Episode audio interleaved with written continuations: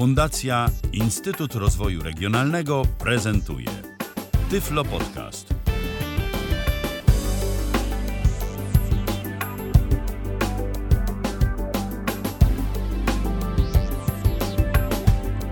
19, jak wspomniałem, minęła. Mamy dziś czwartek, to 11 dzień kwietnia 2019 roku. Witam bardzo serdecznie przy mikrofonie Michał Dziwisz. Dziś będziemy rozmawiać o teleturniejach, o uczestnictwie osób niewidomych w tego typu programach. Porozmawiamy sobie o rzeczach pozytywnych, także o rzeczach nieco mniej pozytywnych i nieco mniej pozytywnych historiach, ale wszystko w swoim czasie. Na dobry początek dodam, że nasza audycja jest oczywiście, jeżeli słuchacie nas 11 kwietnia. To jest programem na żywo i można do nas dzwonić. 123 834 835 123 834 835 to jest nasz numer telefonu. Zapraszam bardzo serdecznie, a teraz witam moich dzisiejszych gości w programie na antenie Tyflo Radia Magdalena Marciniszyn. Witaj Magdo. Dobry wieczór. Dobry, Dobry wieczór. wieczór. Jest również e, z nami Dorota Ziental. Cześć Doroto. Cześć, witajcie. I jest także Rafał Poppe. Witaj Rafale. Dobry wieczór wszystkim, dzień dobry. Dobry wieczór, dzień dobry. I miało być co prawda nieco więcej osób, ale niestety no tak nam się złożyło, że po prostu te osoby nie mogły wziąć udziału e, w naszym dzisiejszym programie. Jedną osobę za to mamy nagraną. Jedną osobę mamy nagraną i z tą osobą na pewno e, będzie okazja e, się usłyszeć pod koniec naszej dzisiejszej audycji, ale wszystko w swoim czasie. Na razie skupmy się na osobach, które które y, są z nami na żywo i y, które brały udział w różnego rodzaju mm, teleturniejach. Rafale, na dobry początek prośba do ciebie, żebyś na razie wyłączył swój mikrofon, bo mamy tu niestety tę zwrotkę, dość nieprzyjemną, ale spokojnie, za moment przejdziemy do rozmowy z tobą. Ja dodam tylko, że Rafał brał udział w programie The Brain y, i o tym programie porozmawiamy sobie za moment, natomiast jeszcze skupmy się na pozostałych teleturniejach. Magdo, w czym ty brałaś brałaś udział?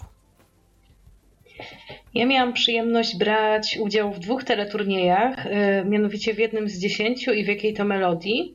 Y, w starej for formule, bo nie wiem, czy Państwo wiecie, y, teraz jest nowa formuła jakiej to melodii. Też zamierzam mm, wziąć w tym udział i brałam udział też w eliminacjach do, do nowej formuły. O tym porozmawiamy dłużej, w każdym później, jak będę opisywała ten, ten, ten, ten teleturniej. Zgadza się. E, a ty, Doroto, w jakim teleturnieju chciałaś wziąć udział? Już tak trochę zaspoiluję. Tak, właśnie. Jestem niedoszłą milionerką, więc to był teleturniej milionerzy.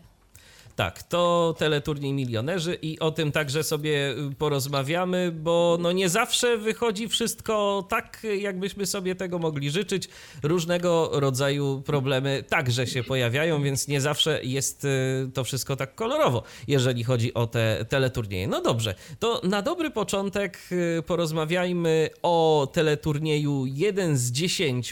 Magdo, gdybym mógł Cię prosić, zanim w ogóle przejdziemy do mm, opisu Twojej przygody jako uczestniczki tego teleturnieju, gdybyś mogła y, kilka słów powiedzieć na temat zasad y, w tym teleturnieju, bo być może ktoś na przykład nie ogląda telewizji albo nie trafił na ten program, mimo tego, że jest już od y, kilkudziesięciu lat obecny na antenie, kiedyś dwójki, teraz telewizyjnej jedynki, być może nie zna zasad. O co chodzi w jednym z dziesięciu?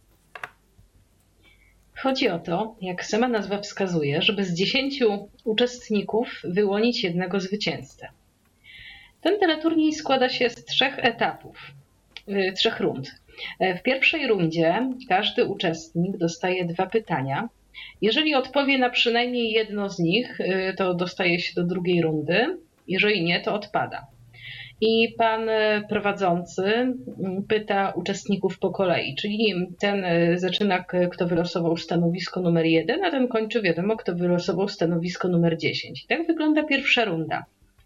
Druga runda wygląda nieco inaczej, gdyż pierwsze pytanie jest zadane przez pana redaktora osobie, która wylosowała stanowisko numer jeden, a potem e, potem konkurenci, można powiedzieć, eliminują się nawzajem do momentu, aż zostanie wyłoniona trójka.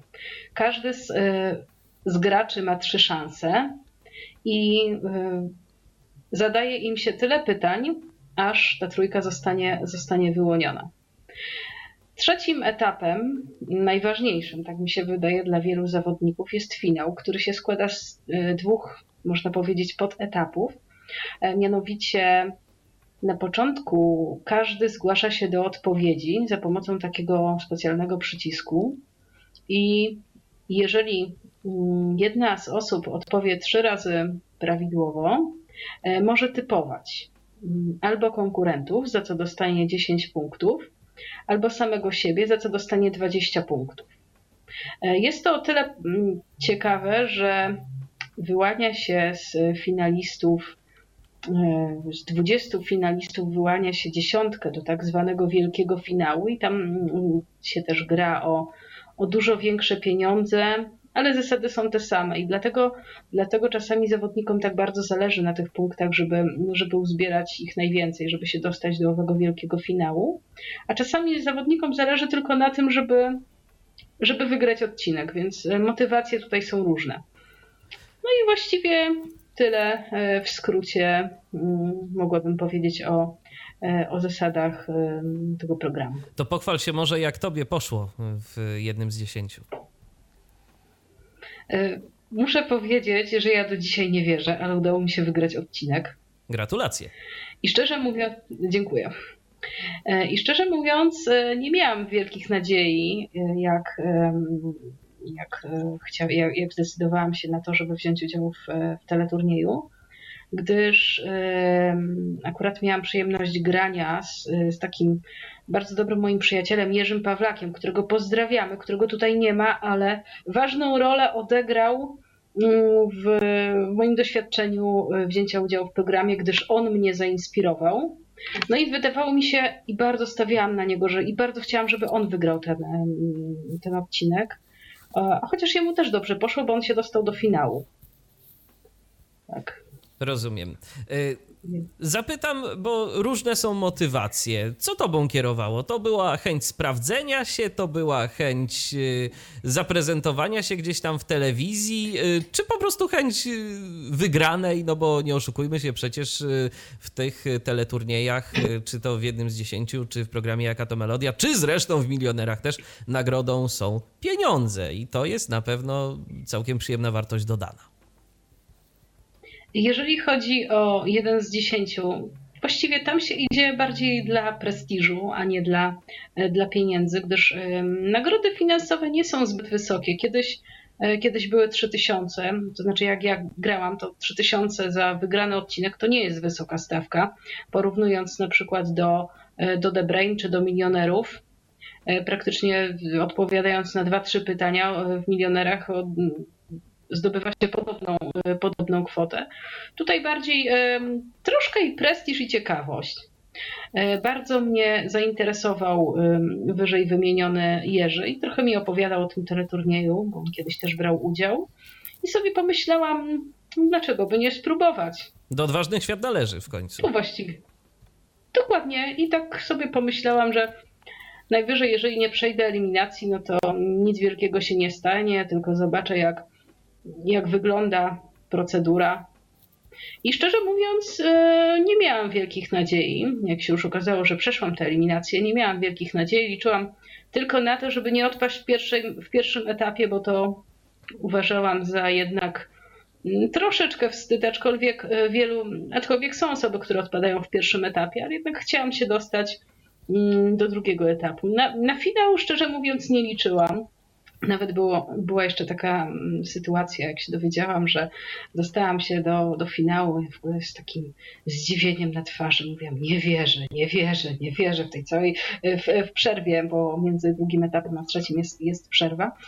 I pan, e, pan redaktor z takim charakterystycznym dla siebie e, poczuciem humoru powiedział, to ma to pani przedstawić na piśmie, może wtedy pani uwierzy. Sobie tak pomyślałam, no nie, może nie trzeba, bo jak się zobaczę siebie na wizji, no to wtedy może uda mi się uwierzyć w to, że jestem w finale. Więc po prostu moja, moja reakcja była bardzo, że tak powiem, ekspresyjna, gdyż naprawdę, tak jak powiedziałam, nie wierzyłam, że, e, że to może mi się przytrafić. Rozumiem. No to właśnie może teraz o tej całej logistyce porozmawiajmy, jak to w ogóle wygląda. Od czego należy zacząć? Załóżmy, że ktoś z naszych słuchaczy chce y, dostać się do teleturnieju 1 z 10, chce y, sprawdzić swoją wiedzę. Co powinien w ogóle zrobić y, i jak należy zacząć? Na początku taka osoba powinna wypełnić formularz. Zaraz e, podam link. Dobrze. http s dwukropek slash slash. Jeden z dziesięciu pisany razem i bez polskich znaków. Mm, kropka tvp.pl e, slash. 3599 2099 e, slash. E, formularz minus zgłoszeniowy.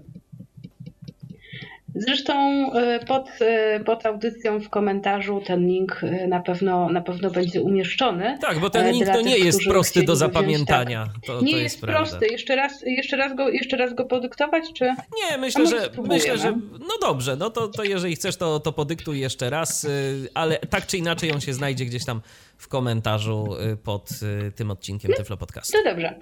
Mm, No to https dwukropek slash slash jeden z dziesięciu pisane razem bez polskich znaków e, tvp.pl e, slash 3599 2099 slash formularz e, minus zgłoszeniowy. Okej, I jeżeli, e, jeżeli zaistnieje taka potrzeba, możemy sobie przeanalizować, e, prze, przeanalizować ten formularz, żeby e, pokazać Państwu, e, czego, czego wymagają, e, jakich informacji. ten formularz to jest formularz taki online, czy pobieramy go sobie w jakimś jest- dokumencie to jest Microsoft formu- Word na przykład i wypełniamy, czy jak to wygląda? Nie, to jest formularz online, który trzeba wypełnić.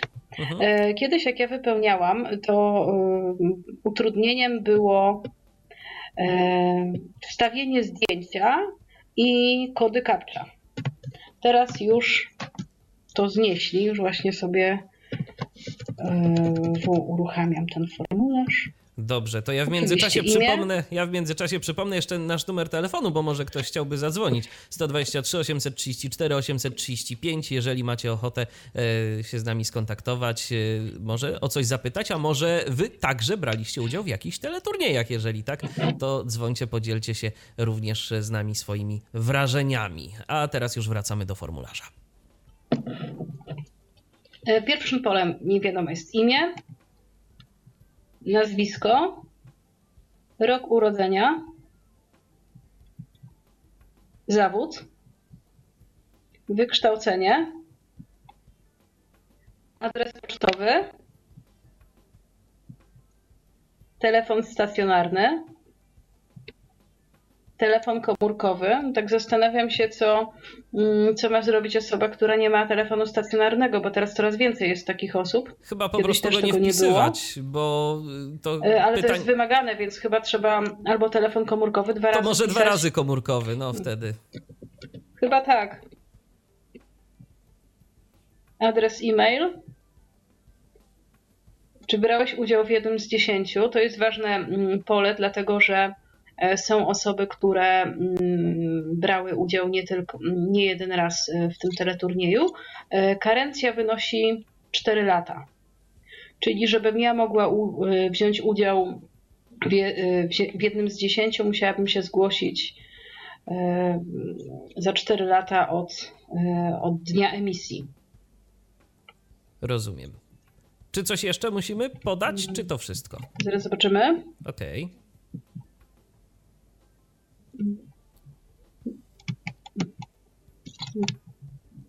brałeś udział w innych teleturniejach? Czyli właśnie, e, tak samo jak ja brałam udział w e, drugim teleturnieju, też musiałam to zgłosić.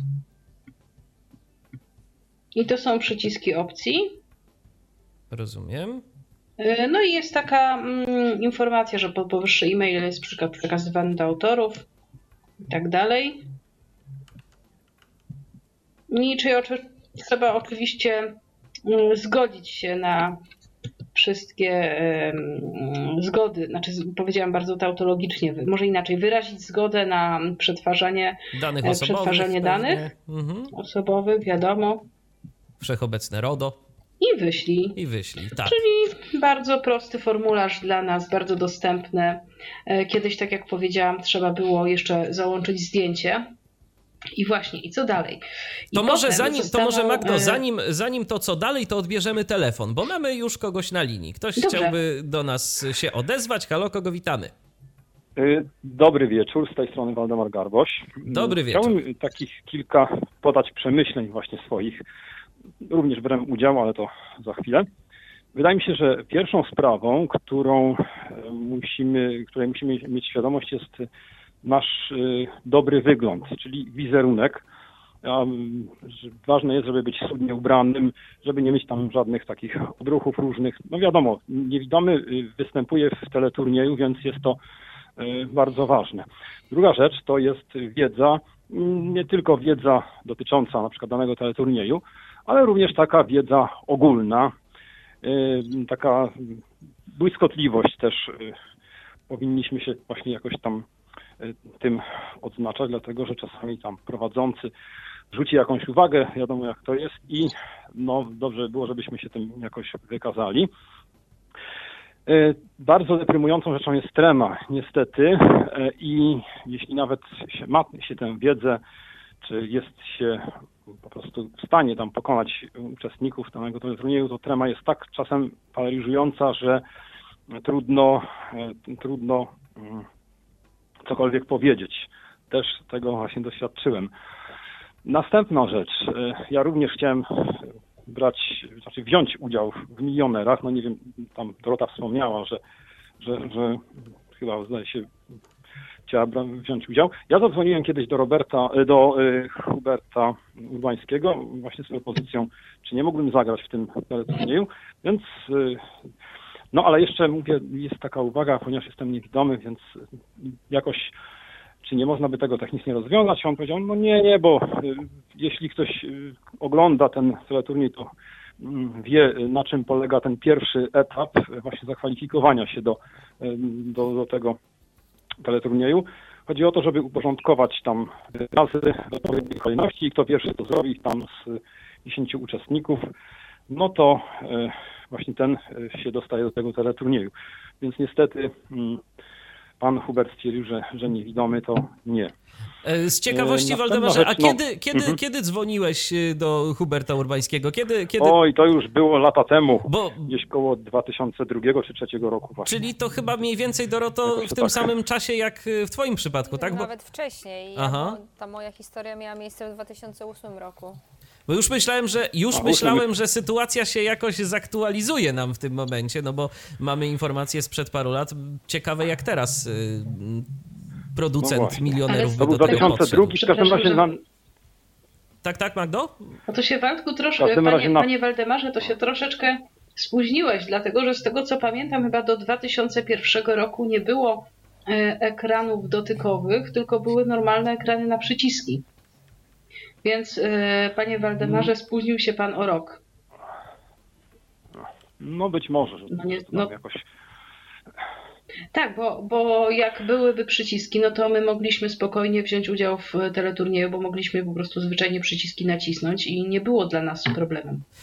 Tak, jeszcze co do tego, jeszcze co do tego ubioru, y, tak ja bym dodał, że też y, chyba producenci przy okazji y, udzielają jakichś konkretnych wskazówek odnośnie tego, czego unikać. Już tam wiadomo, że kwestia tego, że powinniśmy ub- ubrać się schludnie. No w końcu występujemy przed kamerą, ludzie będą nas oglądać, ale też jakieś rzeczy dotyczące kolorystyki, jakiejś e, pstrokatości i tego typu rzeczy też nam powinny zostać podane, ale to nie dotyczy tylko nas jako niewidomych, ale ogólnie w telewizji panują pewne określone zasady dotyczące tego, jak e, to wszystko powinno wyglądać, bo na niektóre e, rodzaje ubrań, na niektóre czy tam wzory, czy rzeczy tego typu po prostu źle reaguje kamera. Mm, I to jest, to jest też... Chodzi po prostu kiedyś- o to, żeby, żeby się nie odbijało mm, Dokładnie. w kamerze. Ja w Dzień Dobry ubranie. TVN Ja kiedyś pamiętam- występowałam, to powiedzieli, żeby nie zakładać drobnej krateczki, że to podobno No właśnie. na ekranie faluje potem ta krateczka.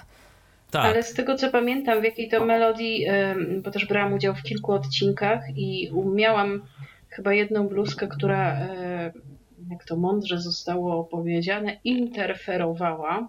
No, więc e, musiałam, musiałam tą bluzkę przebrać e, i w, na stanie TVP były, były różnego rodzaju ubrania, które można było wypożyczyć, żeby, żeby móc się ubrać. Prawda? do odcinka i żeby, żeby nie wygląda i żeby nie błyszczało to w kamerze, a z drugiej strony, żeby to wszystko e, prezentowało się schludnie. No i tak jak e, pan Waldemar wspomniał, jest e, jeszcze mm, przed, zanim, zanim wejdziemy do studia, to jest jeszcze taka część, jak, nie wiem jak ją nazwać, związana z wizażem, gdzie... Charakteryzacja, tak? Odpowiednio. E, tak, charakteryzacja no tak, ale to już to słowo, tak. Przed każdym programem to jest, także. Tak, tak, właśnie, więc po prostu e, mamy kontakt z charakteryzatorami, więc e, poprawiają nam włosy, robią nam makijaż, mężczyzn też pudrują, to też trzeba powiedzieć, żeby też się właśnie twarz nie odbijała, nie odbijała w kamerze, żeby to jakby bardziej stonować. Zgadza się. No ale skoro, skoro mamy jeszcze na linii słuchacza, to jeszcze proponuję, od, oddajmy mm. głos Waldemarowi. Słuchamy. No jeszcze. właśnie, to jeszcze chciałem powiedzieć, że właśnie w odniesieniu do nas y, spodobała mi się taka atmosfera bardzo dobra, panująca tam zarówno czy to na eliminacjach, czy w czasie nagrywania programu. Bardzo y, ludzie nam pomagają i tak, tak można rzeczywiście się fajnie czuć y, na luzie.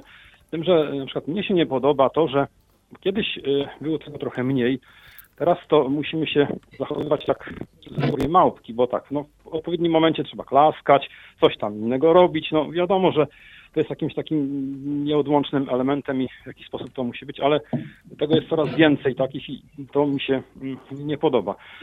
Poza tym cóż, no y, ja przynajmniej szedłem do turnieju po to, żeby po prostu wygrać pieniądze. No A jaki to był teleturniej? Chyba, y, taka to melodia akurat też.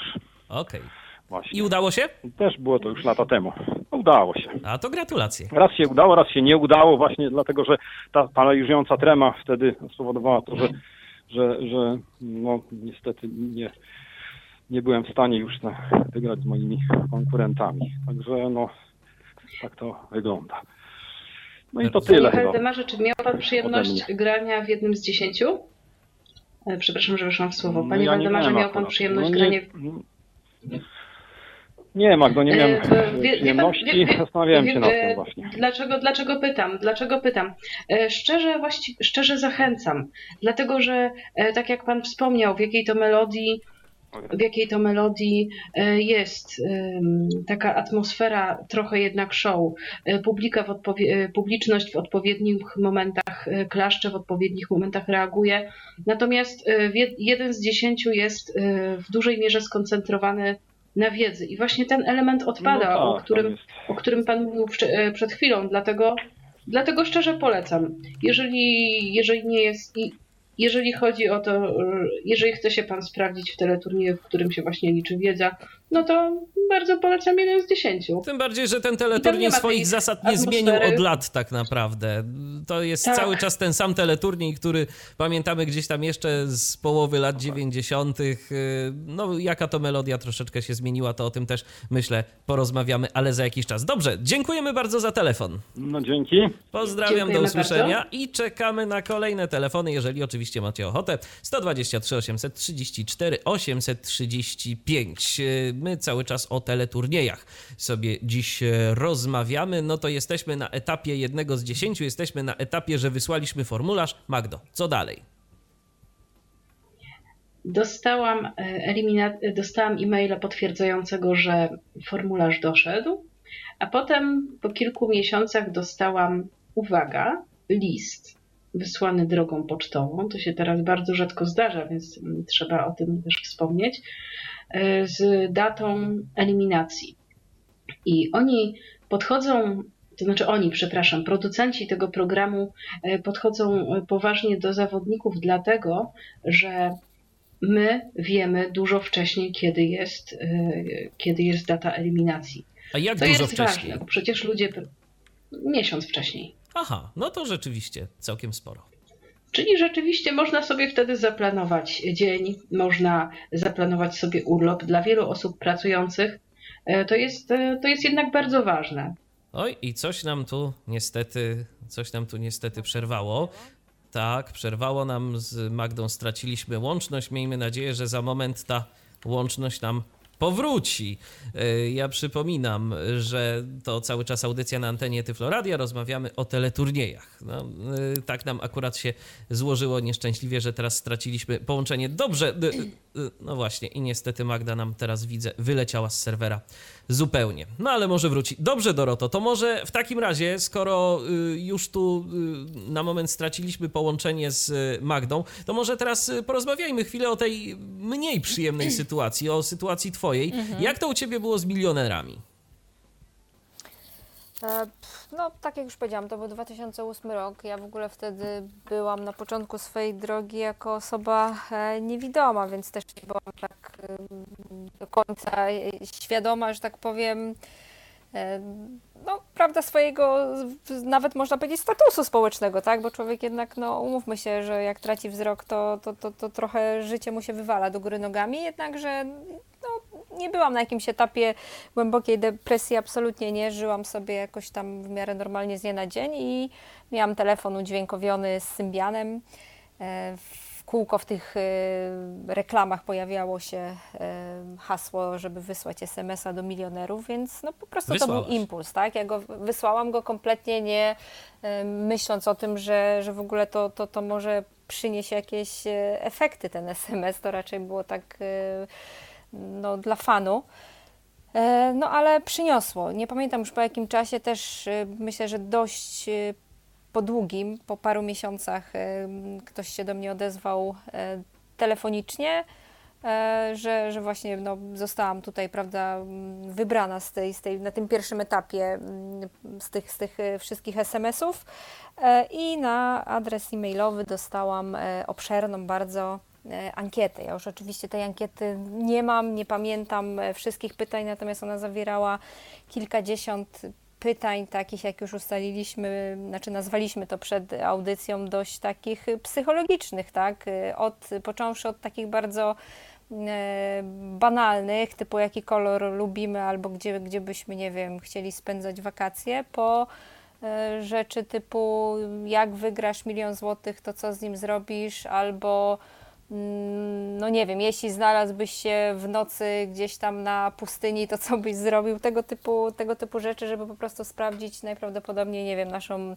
błyskotliwość, dowcip, yy, no, no prawda, tego typu rzeczy charakterologiczne. No bo tak, bo milionerzy No i to też oczywiście- powiedzmy sobie szczerze jest takie show, to tam oprócz tego, Show, że Hubert dokładnie. Urbański zadaje pytania, y, to warto by było, żeby ten uczestnik jednak był dość charakterystyczny w różny sposób, ale ważne, żeby jakoś y, on y, był w stanie się pokazać, żeby to nie był tylko ktoś, kto Tak, ma żeby- udzielić dokładnie. odpowiedzi, ale na przykład w jakiś specyficzny sposób, żeby tych odpowiedzi udzielał, albo żeby jeszcze jakoś tam to skomentował, bo przecież on ma czas na to, żeby się zastanowić, y, więc to Dokładnie, wszystko, żeby, prawda, no, żeby- zaprezentował Tak. jakieś, nie wiem, poczucie humoru, jakieś nietypowe pasje. No, wiadomo, każdy z nas ma jakieś tam swoje cechy charakterystyczne i oni po prostu to chcieli w tej ankiecie między innymi e, sprawdzić. O, chyba Magda się... Tak, Magda wróciła, ale to pojawiła. może teraz już dokończmy ten wątek, y, żeby po prostu. Tak, dokończmy wątek Dokładnie. tylko tej ankiety i damy, damy głos e, Magdzie. No więc ankieta, tak jak mówię, bardzo, bardzo obszerna. Ja w tej ankiecie absolutnie na żadnym etapie nie ukrywałam tego, że e, jestem osobą, która właśnie straciła wzrok. E, Absolutnie też nie pamiętam, e, co ja tam dokładnie pisałam, natomiast wielokrotnie się to pojawiało, tak, że ja ten wzrok straciłam, że jeśli bym wygrała milion, no to na pewno nie rzuciłam hasła w stylu, żebym sobie kupiła nowe oczy, ale e, no, wątek był, że tak powiem, bardzo, bardzo obecny, bo była to dla mnie świeża sprawa i, i w ogóle wręcz ja czułam w sobie, że ja chcę o tym powiedzieć i że wręcz powinnam o tym powiedzieć, tak, że no, nie wolno mi tego zataić w żaden sposób, więc e, no, przewijał się temat mojego niewidzenia wielo, wielokrotnie w, tym, w tej ankiecie. Jasne. I nikt na to nie zwraca uwagi, nikomu to nie przeszkadzało do momentu. E, Tak, w międzyczasie oczywiście jeszcze był jakiś etap taki, myślę, że to były z dwa telefony, gdzie ktoś do mnie dzwonił i no, rozmowa trwała z godzinę mm, i były pytania E, różnego rodzaju, z wiedzy już takiej ogólnej. E, można było się tam bodaj trzy razy połączyć, już tego nie pamiętam, ale, znaczy połączyć, co ja mówię, przepraszam, bo tutaj Magda się pomylić. E, dołącza, tak, trzy razy można było się bodaj pomylić, natomiast tych pytań było mm, bardzo dużo. I ja to to też przeszłam. No, na wystarczającą ilość pytań odpowiedziałam. E, i na tej podstawie przede wszystkim zostałam do tego e, programu zaproszona.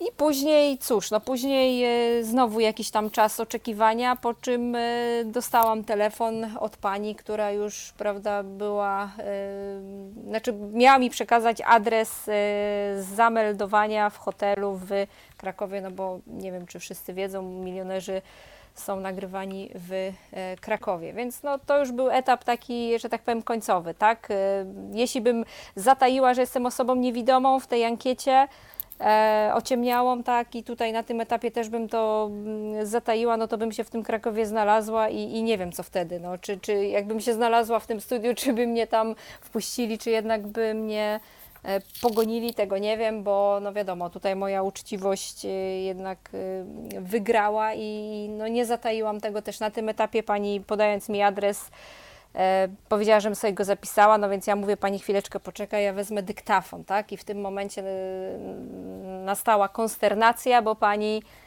kompletnie zgłupiała, nie wiedziała, do czego mi ten dyktafon jest potrzebny. No i dopiero potem się dowiedziała, że, że prawda, ja nie widzę i jedyne hasło, jakie padło, to, że no to będzie problem, tak? E, no ale y, padło hasło, że będzie problem i co? I, I w ogóle już nie chciała pani absolutnie słyszeć o tym, żeby jakoś ten temat rozwiązać i po prostu podziękowała, tak?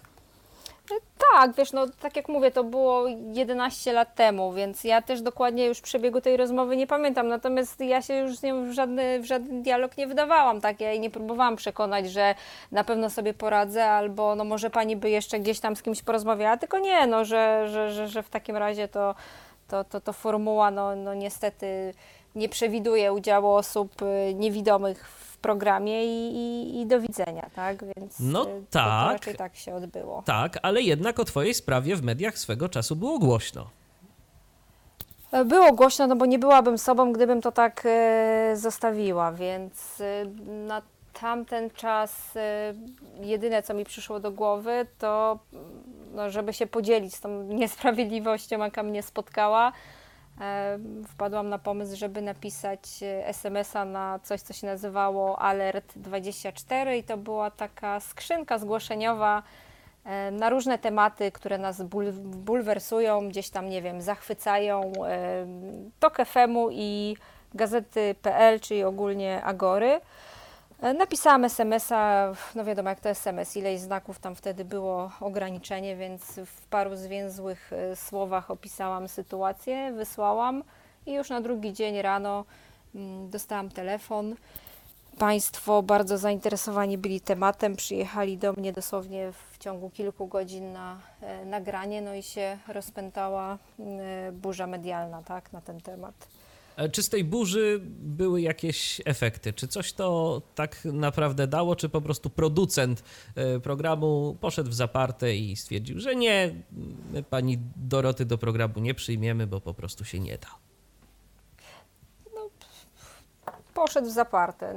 Niestety, ja nawet już w sumie nie liczyłam na to, że, że ja tam się znajdę, już nawet chyba po tej całej sytuacji bym nie chciała, natomiast no po prostu chciałam to jakoś nagłośnić i, i to, to się udało, natomiast y, no, głupie były tłumaczenia.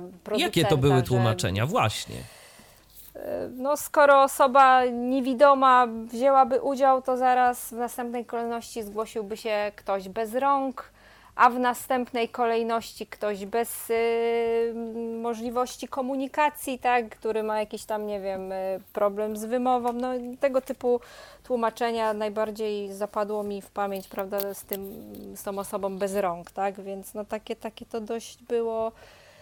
Y, no i lekceważące. Myślę, że że bardzo dyskryminujące, tak? Z drugiej strony, tak naprawdę jestem sobie w stanie wyobrazić osobę bez rąk biorącą udział w takim teleturnieju, bo, Ja to, też. bo to, jak rozumiem, jest wszystko kwestią tej, tego pierwszego etapu, etapu eliminacji, gdzie tam trzeba oznaczyć po prostu we właściwej kolejności y, odpowiedzi y, i one pojawiają się na takich dotykowych ekranach, tak? I tam mamy A, B, C, D Tak. i trzeba to pozaznaczać w odpowiedniej kolejności. To są ekrany dotykowe, to nie są fizyczne przyciski, no więc osoba bez rąk mogłaby mieć to jakoś dostosowane, że mogłaby to wcisnąć na przykład nogą, no przecież nie byłby to, Nogą nie byłby to wielki problem. oczywiście. Y, No, większy problem byłby, gdyby była osoba, która jest niemową, tak? która nie potrafi się komunikować Tak. za pomocą głosu. Chociaż tak jakby pomyśleć, to i tu by się dało w jakiś sposób, no ale Myślę, że, że tak. No, gdyby tłumacz Tak. migowego mógł być, a, a ja nie widzę przeciwwskazań, dlaczego takiej, taka osoba no, no, miałaby się tam nie znaleźć. Tak? Przecież to, to, to nie jest do, dodatkowy uczestnik, który, który gdzieś tam dodatkowe koło ratunkowe, które tej Owszem. osobie by pomagało, tylko po prostu jakiś pomost y, komunikacyjny. Tak? Więc no, dla chcącego nic trudnego i no, żyjemy w takich czasach, że naprawdę warto mieć otwarty umysł na, na, na różnych ludzi, na różne sytuacje, no ale państwo na tamten czas, nie wiem jakby było teraz, natomiast na tamten czas bardzo to było wszystko no, no, no niesympatyczne, tak? Komentarze internautów też, też były różne, od takich, że hy, jak niewidoma i wysłała SMS-a, to już na tamten czas po prostu ja, mimo że no nie byłam świadomą osobą z- dysfunkcją wzroku, to, to byłam strasznie tym oburzona, że w ogóle jak, jak można w ten sposób myśleć. Po takie bardzo fajne, wspierające, mm, nawet doszło do tego, że pozytyw dla mnie, taki osobisty, który wynik z tej całej sytuacji był taki, że jednym z internautów, który bardzo mnie wspierał i mm, tak nawet, nie wiem, duchowo, to, to, to był pisarz Marcin Bryczkowski, z którym się zaprzyjaźniłam i który był później nawet za rok na moim weselu, więc w ogóle mam super kumpla z tej całej afery i, i, i to jest taki mój em, pozytyw z tego, z tego zdarzenia całego.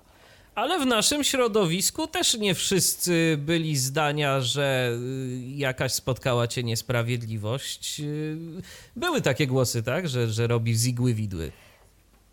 Tak, no pani, pani dyrektor e, Polskiego Związku Niewidomych, pani Pacholec się wypowiedziała też w taki dość kategoryczny sposób, że no, takie roszczenia są bardzo nie na miejscu, że robią nam dużo krzywdy, że lepiej skoncentrujmy się na dostępności szeroko pojętej i na tym, aby niewidomi nie wpadali pod pociągi metra, bo to wtedy równocześnie działa się sprawa e, Filipa, który, który wpadł pod, pod metro warszawskie. Znaczy, no wiadomo, mamy jedno metro, więc e, w Warszawie pod, pod pociąg metra.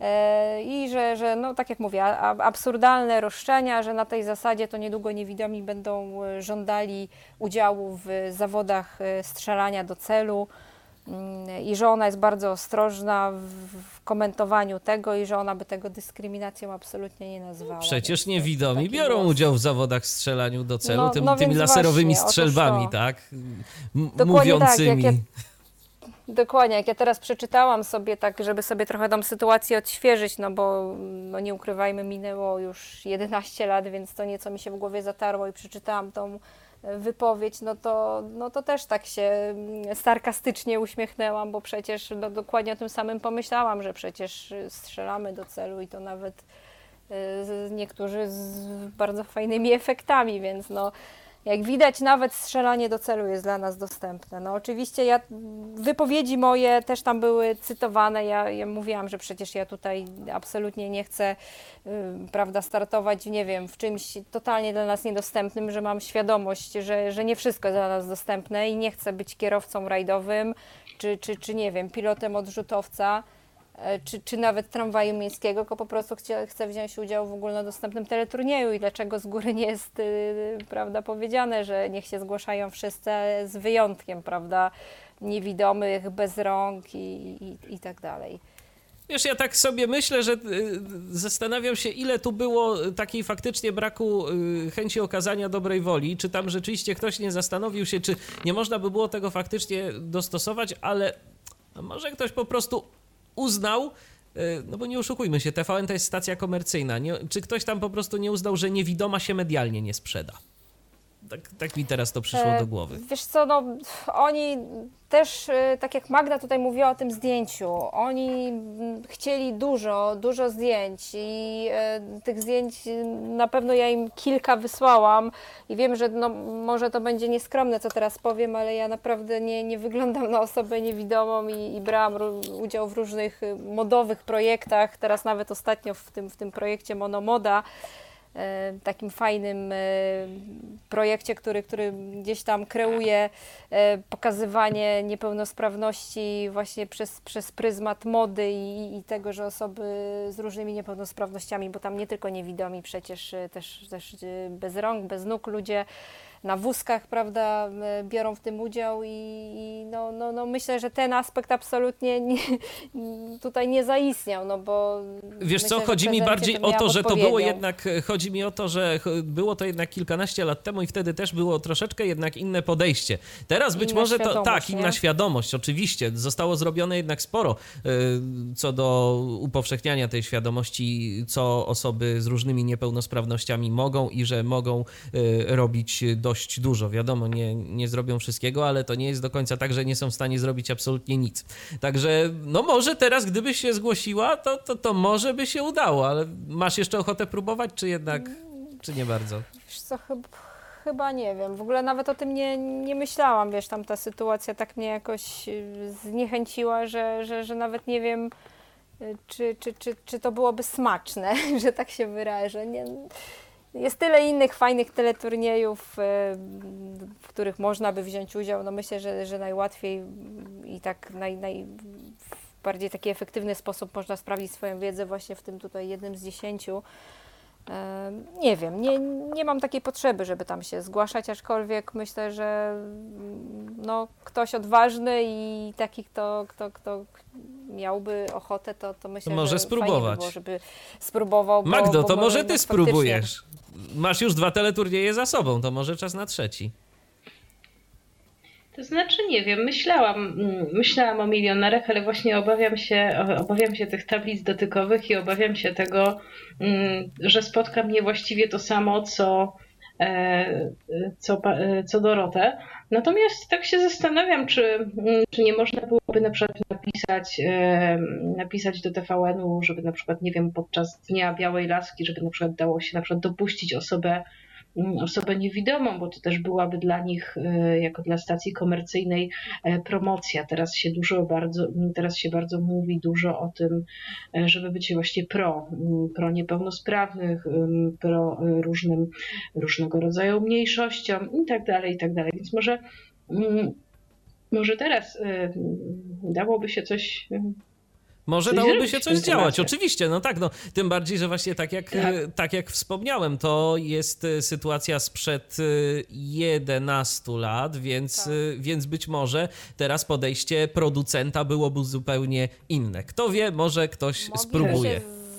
Zreflektować po latach. Oczywiście, że tak, i się Zre- zrehabilitować. Zrehabilitować, jak to się mówi. Jasne. Dokładnie. Dobrze, to teraz wróćmy może do jednego z dziesięciu, bo tu nam chochliki techniczne mm, poplątały wszystko i niestety Magdę Na rozłączyło. stanęliśmy? Stanęliśmy na, Na eliminacjach. Stanęliśmy na eliminacjach, dostajemy Tak. listownie zawiadomienie o tym z miesięcznym wyprzedzeniem, że eliminacje nas czekają. y, No i co dalej? I y, jak wyglądają te eliminacje? Aha, na tym skończyliśmy. No i potem, mm, jeżeli już mamy wyznaczony, wyznaczony termin, no to udajemy się w wyznaczone miejsce. Zazwyczaj e, i oni oczywiście podają, podają adres. To są, to są szkoły albo jakieś domy kultury, albo mm, tego, tego rodzaju placówki.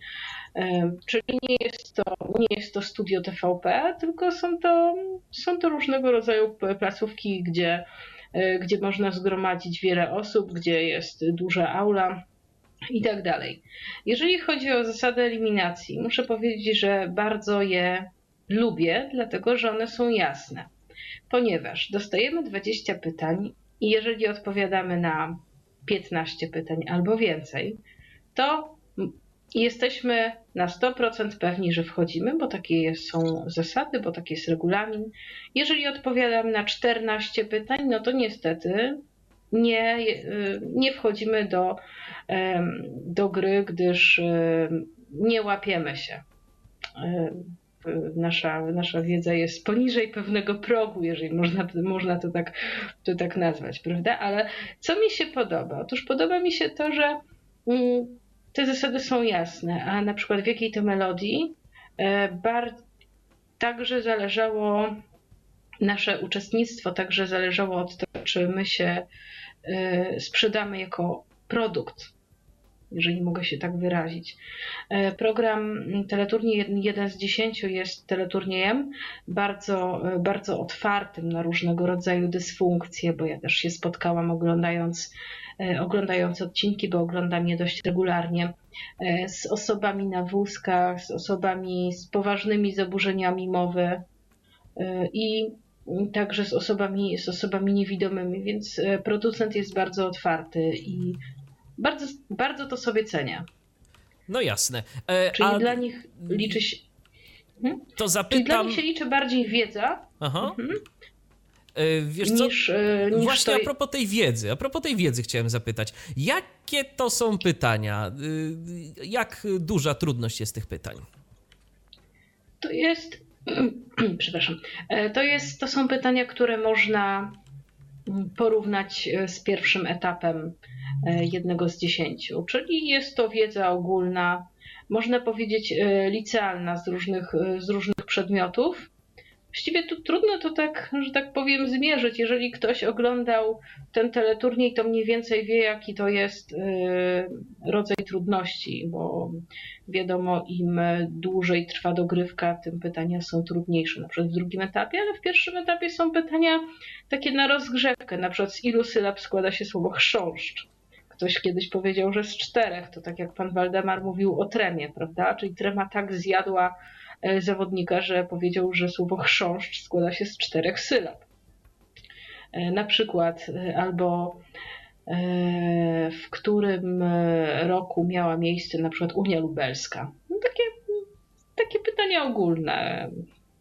Jak ktoś nie zasypiał na lekcjach w ogólniaku, to, to sobie poradzi. No to mógł, tak, to, miał, to nie miałby problemu.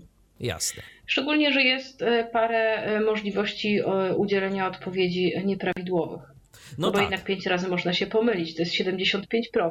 Dokładnie, więc jest gdzieś tam zawsze jakaś szansa. No dobrze, i załóżmy, odpowiadasz na te 15 pytań, dostajesz się do y, programu, już wiesz, że y, się dostałaś. Y, co teraz? Trzeba pewnie czekać na jakieś następne pismo, czy już od razu po tych eliminacjach dostajesz informację, kiedy będzie nagrywany odcinek z Twoim udziałem? To znaczy, ja dostałam e, informację, że ja muszę na nagranie odcinka poczekać około 10 miesięcy, dlatego że e, jeżeli chodzi o jeden z 10, to są dwie serie. Seria letnia, znaczy seria jesienna, która odbywa się od października, od września, przepraszam, do listopada, potem jest powtórka e, tej serii, a potem pojawia się seria wiosenna, która się odbywa mniej więcej od początku marca do maja a potem znowu lecą powtórki. Czyli, czyli mało jest tych serii, dużo jest, dużo jest powtórek, bo to są właściwie tylko, e, bo to są tylko dwie serie, dlatego czas oczekiwania jest tak długi. Ale my jesteśmy informowani o tym praktycznie na wejściu, że musimy poczekać e, około 10 miesięcy. Potem, jak, e, zbliża, jak zbliżał się czas nagrania, też dostaliśmy informację listowną, też z miesięcznym wyprzedzeniem, że e, data nagrania będzie miała miejsce w Lublinie. No i tutaj pojawiała się jedna taka trudność mm, dla nas, dla osób niewidomych, gdyż trzeba było wysłać listownie potwierdzenia. E, proszę wziąć pod uwagę, że to jest teleturniej bardziej nastawiony na osoby starsze, to znaczy statystycznie rzecz ujmując, bardziej do tego teleturnieju e, bardziej e, chętniej uczestniczą osoby powiedzmy, nie wiem, 40 plus niż na przykład 20 plus, prawda? To nie jest teleturniej nastawiony na show, więc dlatego te metody komunikacji są też e, bardziej tradycyjne. Natomiast czy takie potwierdzenie Tak. wysyłamy na jakimś formularzu, czy po prostu wystarczy wydrukować prosty dokument, że potwierdzam E, nie. uczestnictwo? Trzeba to, y, można, można to wydrukować, ale trzeba to wysłać tradycyjną pocztą. Tak, tak. Chodzi mi tylko o to, czy mamy do tego jakiś wzór, który na przykład musimy wypełnić, czy po prostu wystarczy, że napiszemy naszym własnym tekstem takie potwierdzenie. O to mi chodzi. No i wystarczy, że, że napiszemy naszym własnym tekstem, Rozumiem. własnymi słowami. Okej. Okej. I właśnie o, to, właśnie o to mi chodziło. No bo wiesz, dla nas jeszcze, gdyby to był jakiś formularz, który trzeba by było, który oni nam na przykład przysyłają, no to dla nas jeszcze dodatkowy problem, bo musielibyśmy go wskanować i wypełnić. Y, A jeżeli wystarczy Tak. to y, wszystko po prostu, to potwierdzenie napisać, y, no tak zwyczajnie, pisząc jakiś tam dokument w Microsoft Wordzie, no to nie ma z tym większego problemu potem podpisać i wysłać. I co, da, i co dalej się dzieje? I potem jest, y, potem jest kwestia y, nagrania odcinka. I wiem, że y, właściwie się dowiedziałam dzień wcześniej, że mi się, y, że mogę liczyć na nocleg y, w gmachu, w gmachu budynku, w którym znajduje się studio nagrań. Ale o tym dowiedziałam się dzień wcześniej, o tym nie każdy, nie każdy może z tego skorzystać. Oni właśnie też robią taki ukłon w stronę osób niepełnosprawnych. Ja już miałam zarezerwowane e, miejsce wtedy w hotelu.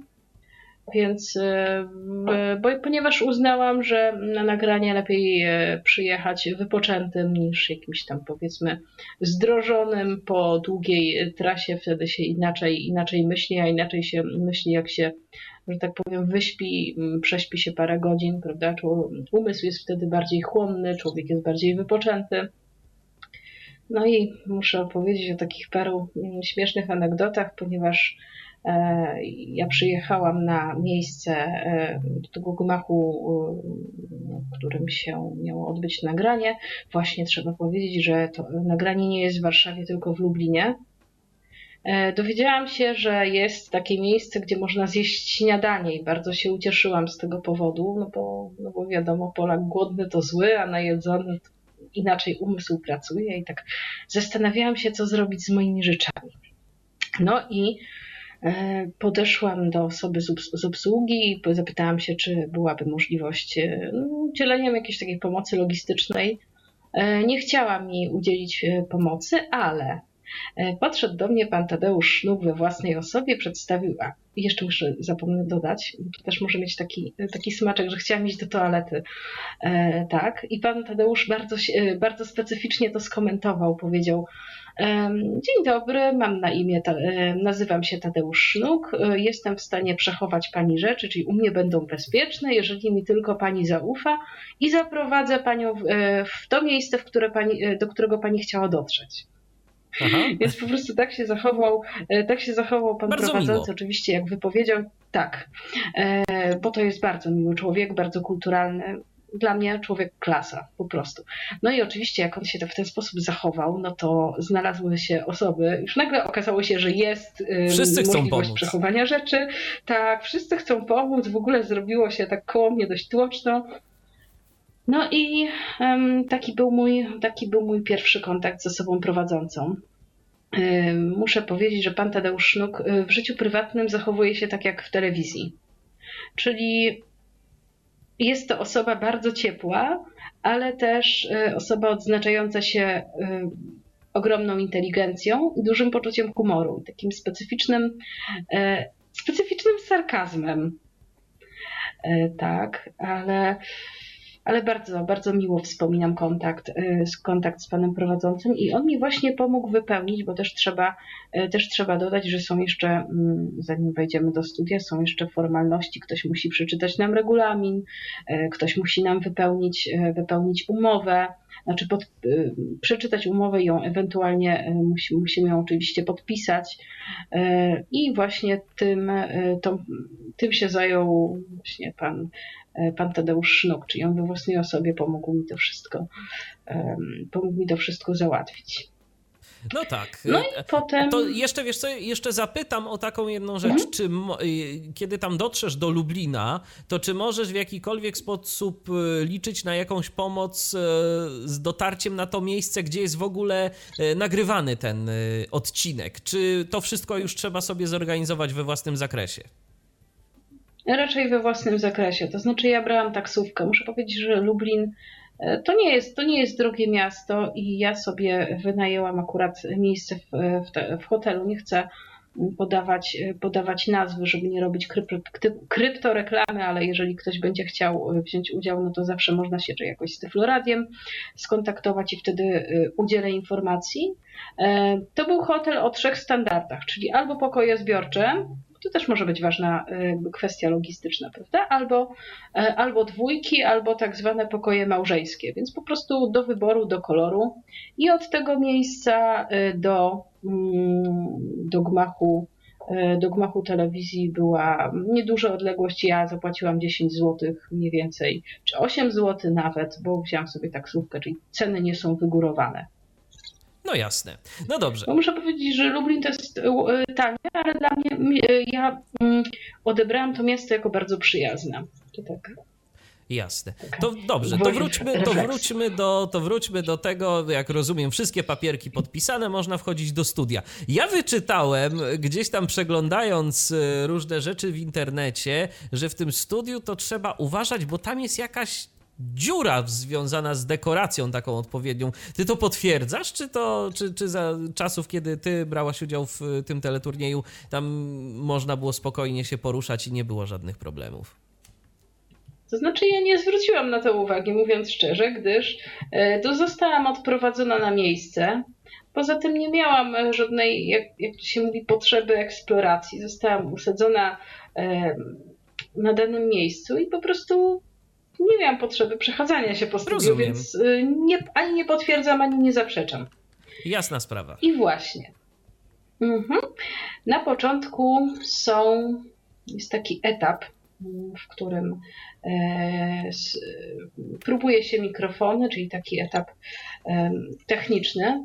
Są też osoby, które mają problemy ze słuchem i można wtedy dostać e, słuchawkę, żeby, żeby lepiej słyszeć, więc taka, taka opcja też jest, też jest przewidziana, czyli to świadczy o tym, jak bardzo ten teleturniej jest pro osobom niepełnosprawnym.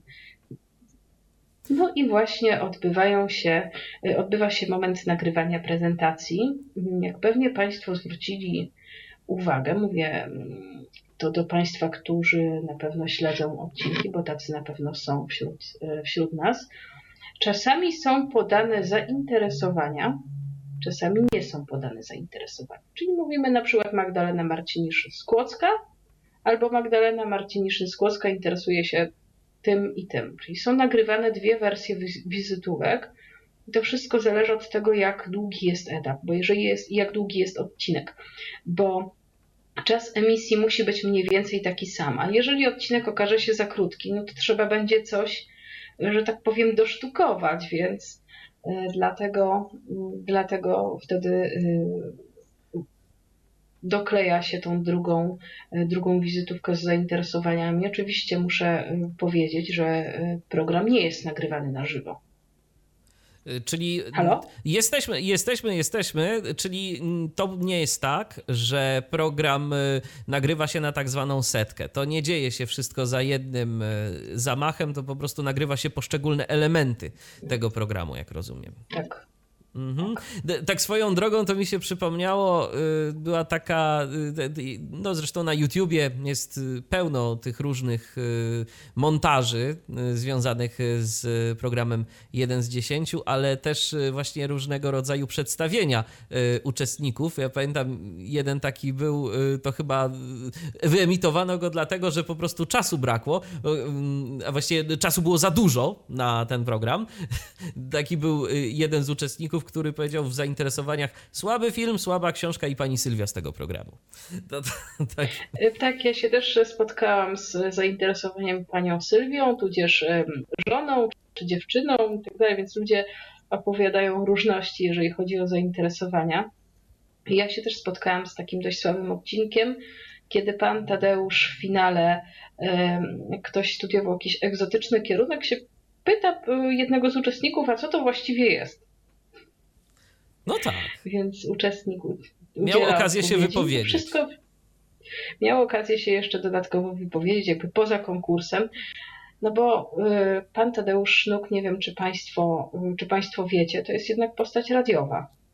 Y, wielu osobom on się kojarzy z, z jednym z dziesięciu, a przecież on przez ładnych parę dziesiąt lat prowadził na przykład taką audycję jak Lato z Radiem, emitowaną w radiowej jedynce to się zgadza. Także rzeczywiście no, pan Tadeusz Szluk wszechstronnie utalentowany. I w telewizji go pokażą, i w radiu, także rzeczywiście, no, no mi też szczerze mówiąc jakoś z radiem się kojarzy również, nie tylko z telewizją. No i jeszcze trzeba dodać, że to jest też człowiek, który jest lektorem, przecież um, udzielał swoje, użyczał swojego głosu w różnych filmach, czytał też audiobooki, na przykład e, Folwark, Folwark Zwierzęcy. No tak. Akurat, akurat teraz już chyba jako lektora można go coraz rzadziej usłyszeć, ale rzeczywiście również i tym e, miał okazję się zajmować. E, Magdo, e, jesteśmy już w trakcie nagrywania odcinka.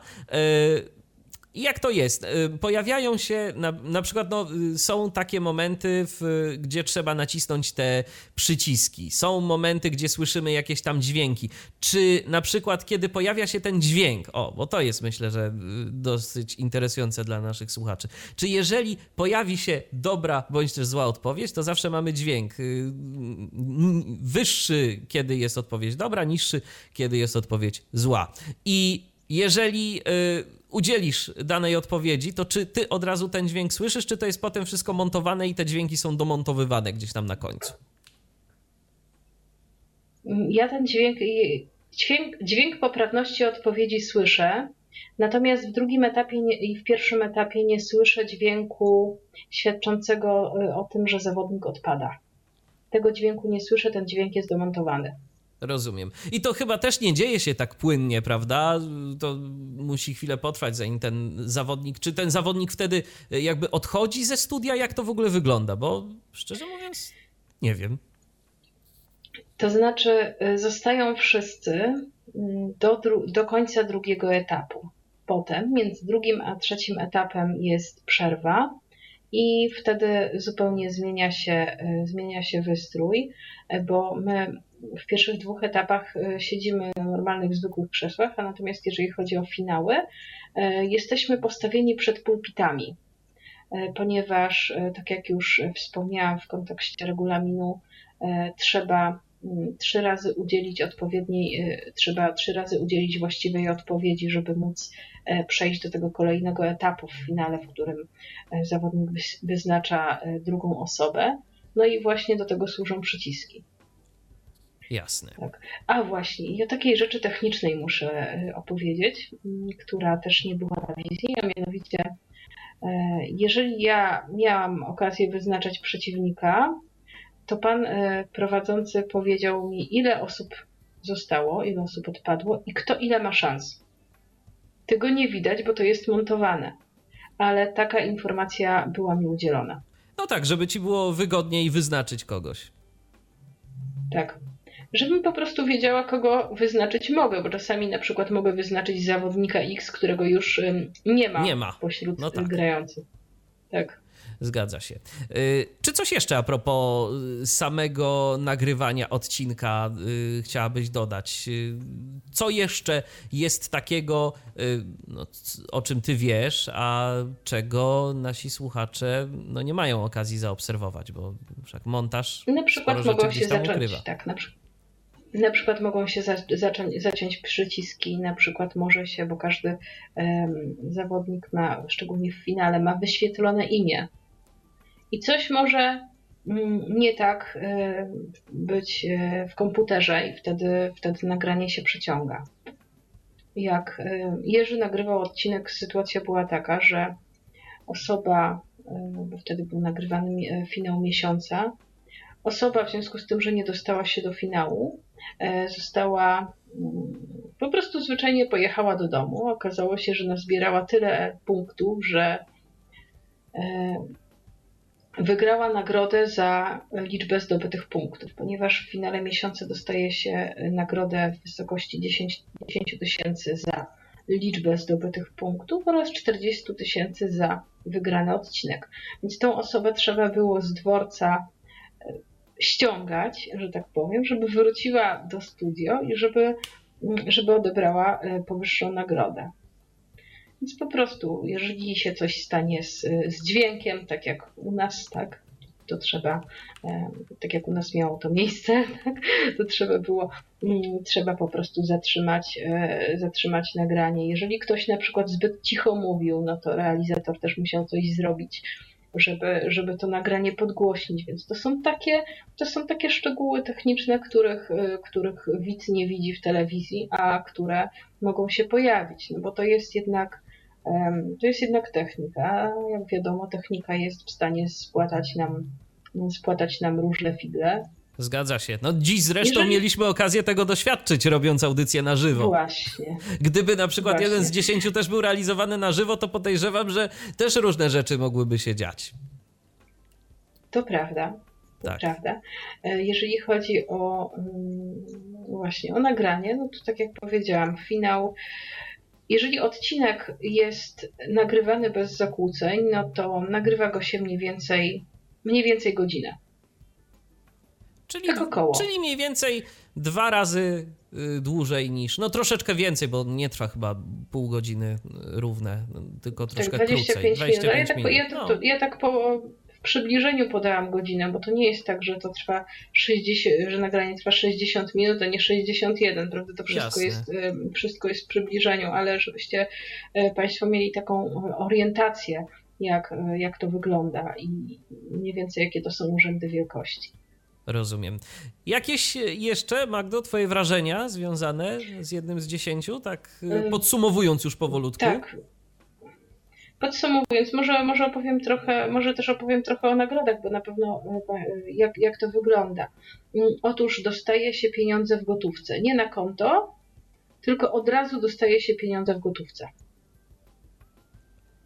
Czyli ja, w związku z tym, że ja byłam mm, odwieziona takiego hotelu, to w ogóle była, a, e, poprosiłam, poprosiłam, e, żeby mnie odwieziono także na, na pocztę, tudzież do E, do banku, w którym mogłabym wpłacić pieniądze, no bo się trochę, trochę się e, obawiałam wyjechać z, z Lublina z taką dużą gotówką przy sobie. To było około 2,5 tysiąca po odtrąceniu podatku, bo wiadomo, to też trzeba powiedzieć, że od każdej nagrody są, są odcinane podatki, czyli o, nie tylko od, od sumy pieniężnej, ale także na przykład od hotelu, tudzież od y, zegarków, bo ja wygrałam kubek, zegarek, jakiś program antywirusowy i pobyt w hotelu gołębiewskim. No tak. I tak. od tego wszystkiego e, jest jeżeli... odprowadzany podatek. A jak to jest z tymi nagrodami rzeczowymi? Ten podatek też jest jakoś odprowadzany, czy trzeba go zapłacić wtedy? Nie, po prostu w związku z tym, że mm, moja stawka, moja wygrana wynosiła 3000, E, bez tego podatku. Ja musiałam, ja dostałam od razu pomniejszoną kwotę o ten, o ten podatek, czyli tak mniej więcej wygrałam około 2,5 tysiąca. Rozumiem. Mniej więcej to wyglądało. I oczywiście nie było problemu, żeby mnie ta, na tą pocztę odwieziono. Spokojnie, spokojnie zapłaciłam sobie, zapłaciłam sobie pieniądze. Ale też mm, to nie jest związane z teleturniejem, ale to jest sytuacja, która pokazuje nam mm, przekrój społeczeństwa. Czyli jak, jak wyżej wspomniałam, pan, pan redaktor potraktował mnie bardzo, bardzo w porządku, cała ekipa telewizyjna też. A jak wracałam z Lublina, miałam, e, że tak powiem, potrzebę i pracownik owego miejsca mówi, co tu pani robi? Takie osoby jak pani to powinny siedzieć w domu i w ogóle nie pokazywać się światu, tak? Więc ja miałam takie poczucie, że z takiej wysokości spadam, spadam w dół po prostu niemalże skacząc na główkę, czyli taka sytuacja mnie, e, mnie spotkała że tak powiem, że mi się w głowie za bardzo chyba nie przewróciło, jak tak wracałam z tego, z tego odcinka i muszę powiedzieć, że to e, ta sytuacja mi utkwiła w pamięci, prawda? Więc, no różnych ludzi no. na swojej drodze spotykamy, to jest, to jest akurat prawda. Właśnie. Magdo, y, Ale takie, to właśnie takie najciekawsze było, jeszcze, że w ciągu jednego dnia, tak? no, takie jeszcze jakieś y, Tak. wrażenia już na koniec, bo jeszcze, bo jeszcze... Właśnie się tak Mhm. Tak, tak. Czy coś mhm. jeszcze Właśnie warto by jeszcze było, tak żeby nasi słuchacze wiedzieli? E, Zwracają bilety, zwracają koszty podróży. A to też jest, myślę, Państwo. że miła informacja. To jest też właśnie istotne, bo e, ja w ogóle byłam w takiej sytuacji, że już sobie kupiłam bilet, no bo przecież ja nie przewidziałam, że ja mogę wejść do finału i wygrać odcinek. No i mm, no i trzeba było, trzeba było wycofywać rezerwację, bo chciałam się Pendolino przejechać, akurat miałam taką możliwość. No i to jest właśnie, to jest właśnie taki plus, że na eliminacji, jeżeli się wybiera na eliminację, to wtedy nie zwracają koszt, y, kosztów podróży. Natomiast jeżeli jedziemy na odcinek, no to koszty podróży są zwrócone. Jasne. Dobrze, obydwie strony. dobrze Magdo. To chyba wszystko. To, to okej, to wszystko. To dziękuję Ci bardzo. Oczywiście wrócimy jeszcze do Ciebie i tym razem do teleturnieju Jaka to melodia, ale teraz y, bardzo bym Ciebie, Rafale, prosił, żebyś włączył swój mikrofon i żebyś do nas się odezwał. Czy nas słyszysz? Jest Słyszę. Rafał, jest Rafał. Dobrze, Rafale, to teraz y, a propos ciebie i twojej y, obecności w teleturnieju w programie The Brain, y, bo w takim programie brałeś udział, w programie na, emitowanym na antenie Polsatu. Gdybyś mógł pokrótce powiedzieć naszym słuchaczom w ogóle o co w tym teleturnieju chodziło, on, on przez chwilę był, on przez chwilę miał miejsce, teraz już go nie ma, no pytanie czy jeszcze kiedyś powróci, ale gdybyś mógł co nieco opowiedzieć na ten temat. Na czym w ogóle polegały zasady? E, więc e, chodziło o to, iż e, pięć osób w odcinku prezentowało swoje umiejętności, które były ponadprzeciętne. One Tak. były różne. I one były związane z różnymi rzeczami. Z matematyką, z jakąś wiedzą ogólną, z, z umiejętnościami, nie wiem, motorycznymi. No po prostu multum, multum, multum możliwości. A jaka była twoja umiejętność? Co ty, co ty pokazywałeś? E, Pokazywałem echolokacyjne rozpoznawanie przedmiotów. I, y, mógłbyś pokrótce powiedzieć, w jaki sposób to robiłeś, w jaki sposób tego dokonywałeś? Znaczy chodziło o to, że mm, to było trochę, y, to było trochę skomplikowane, y, ponieważ y, to było skomplikowane, ponieważ no miałem ileś tych przedmiotów do do najpierw do eliminacji, czyli takich przedmiotów, które nie wiem, nie absorbowały dźwięków albo co te, takich rzeczy. No i niestety Rafał był, ale Rafała nie ma. Więc y, miejmy nadzieję, że Rafał się jeszcze zjawi że go usłyszymy. E, No a jeżeli nie, to, to spróbujemy jakoś e, jeszcze z Rafałem się połączyć. No dobrze, y, to w takim razie Doroto, bo ja tak zapytam jeszcze, zapytam jeszcze cię a propos tych milionerów, tak przy okazji. Czy to, Tak. co tam się zadziało w tym, w tym przypadku, w przypadku milionerów, czy to jakoś y, już tak zupełnie cię zniechęciło do brania udziału w innych y, teleturniejach, czy, czy nie? Czy jeszcze może gdzieś coś próbowałaś, coś y, kiedyś tak sobie Wiesz co, pomyślałaś, czy nie? Nie próbowałam, ale to nawet nie była chyba kwestia zniechęcenia po prostu. Wiesz co, kiedyś tak, jeszcze jest cały czas ten teleturniej Postaw na milion, o tak to się nazywa. Aha. I tam się kiedyś e, też dużo czasu poświęciłam, chyba całą niedzielę na wypełnienie formularza. Nawet ktoś tam się do mnie odezwał. Ten formularz, e, taki unik na stronie, w- wyglądał mniej więcej tak jak e, ta ankieta z milionerów, czyli takie bardzo obszerne pytania typu właśnie coś najbardziej ryzykownego, co w życiu zrobiłeś, więc ja no, siedziałam nad tym całą niedzielę, wymyślając jakieś, jakieś różne odpowiedzi.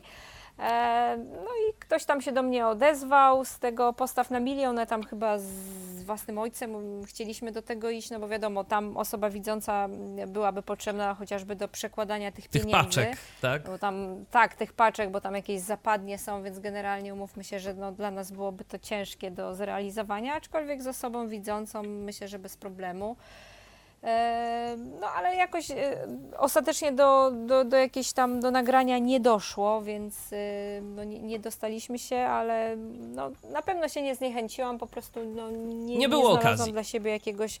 Nie było okazji, natomiast tutaj po tym, co słucham o tym, co mówi Magda, mój ojciec kiedyś był w jednym z dziesięciu i to wszystko było jakieś takie bardziej jeszcze toporne. Teraz jak Magda opowiada, jak ten formularz wygląda, więc kto wie, być może E, się zgłoszę, zwłaszcza, że ja jestem maniaczką e, grania w quizwanie, różne turnieje organizujemy i dużo znajomych z tej grupy quizwaniowej bierze udział w jednym z dziesięciu, teraz nawet taki niewidomy E, chłopak młody bardzo z Torunia będzie brał udział, e, więc e, no, jest to dla nas ewidentnie teleturniej otwarty. Kiedyś też mam taką anegdotkę, znaczy no, historię taką, że jeszcze jako osoba widząca leciałam na Wyspy Kanaryjskie z koleżanką i przede mną w kolejce do tego samego samolotu stał pan Tadeusz, więc się śmieję, że może to jest też dobry omen, też, też dużo pozytywnego o tym człowieku słyszałam. Myślę, że tutaj Magda mnie przekonała do tego, żeby, żeby faktycznie może spróbować swoich sił. No to w takim razie powodzenia i oby się udało. Dzięki. Dobrze. Dzięki. By się udało, szczególnie, że eliminację masz blisko, bo w Warszawie. No A, też to, fakt. co prawda, tak. Też fakt. Mamy już e, na linii ponownie Rafała, mam przynajmniej taką nadzieję. Rafale, czy nas słyszysz? Halo, Rafale? No niestety, Pojawia się tak, i znika. pojawia się i znika. Jest jakiś problem z, jest jakiś problem z internetem dziś ewidentnie u Rafała. Dobrze, to ja myślę, że w takim razie po prostu y, temat Rafała zostawimy sobie na koniec. Ewentualnie ja spróbuję się z Rafałem połączyć przez telefon i po prostu opowie nam już y, na, na sam koniec y, o tym, co on robił w programie The Brain. No, taki to urok audycji na żywo, słuchajcie. A wy korzystajcie, drodzy słuchacze i słuchaczki Tyfloradia 123 834 835. Jeżeli y, braliście udział w jakichś teleturniejach, jeżeli chcecie y, o tym opowiedzieć, a może zapytać o coś, bo może mm, coś was nurtuje, o czymś chcielibyście się y, przekonać, dowiedzieć, no to dzwońcie śmiało. Jeszcze z anteny nie znikamy, bo jeszcze tu z wami przez jakiś czas będziemy. Swoją drogą, właśnie Magdo, pytanie do ciebie, zanim przejdziemy do programu Jaka to Melodia. Czy ciebie jakoś trema atakowała, czy nie? Czy nie było to dla ciebie problemem? Tak jak nam tu słuchacz Waldemar opowiadał o tym, że no, z tremą różnie bywa. Jak to w twoim przypadku było? Ja czułam, że mam tremę. I muszę powiedzieć, że na jednym prostym pytaniu się wyłożyłam. To jest y, pytanie, którego się bardzo wstydzę. Była piosenka Katie Melua Nine Million Bicycles. I ja znałam odpowiedź, to znaczy znałam odpowiedź Wiedziałam, że to jest płyta, piosenka z płyty Piece by Piece, że to jest piosenka z 2005 roku mniej więcej. I tak potem zaczęłam się zastanawiać, ile tych, ile tych rowerów było w Pekinie. I tak obojętnie, czy bym powiedziała po polsku, czy mm, odpowiedziałabym po, po angielsku, powiedziałabym 99 milionów. I to było coś takiego, co mnie, e, co mnie spięło i e, tak, tak samo jak kiedyś w finale było, e, tak samo jak w moim finale było e, pytanie o garsonkę, z ilu garson, e, elementów składa się garsonka. Garsonka się składa oczywiście z dwóch elementów, ale ja wolałam się, ja wolałam się nie zgłaszać, bo człowiek już tak zastanawiał się, czy to, czy to pytanie nie ma czasami ukrytego drugiego dna. A muszę powiedzieć, że osoba, którą, z którą grałam w finale, dwa razy można powiedzieć, strzeliła sobie samobójczą bramkę. Dlaczego? Dlatego, że znała, znała pytanie, a dwa razy zgłosiła się i odpowiedziała źle. Mimo tego, że pan prowadzący powiedział, że jeżeli nie jesteście pewni swoich odpowiedzi, nie zgłaszajcie się. No i mój konkurent praktycznie sam siebie wyeliminował, została mu jedna szansa, więc łatwo było go wyeliminować. Później się później tak, on się później tak stremował.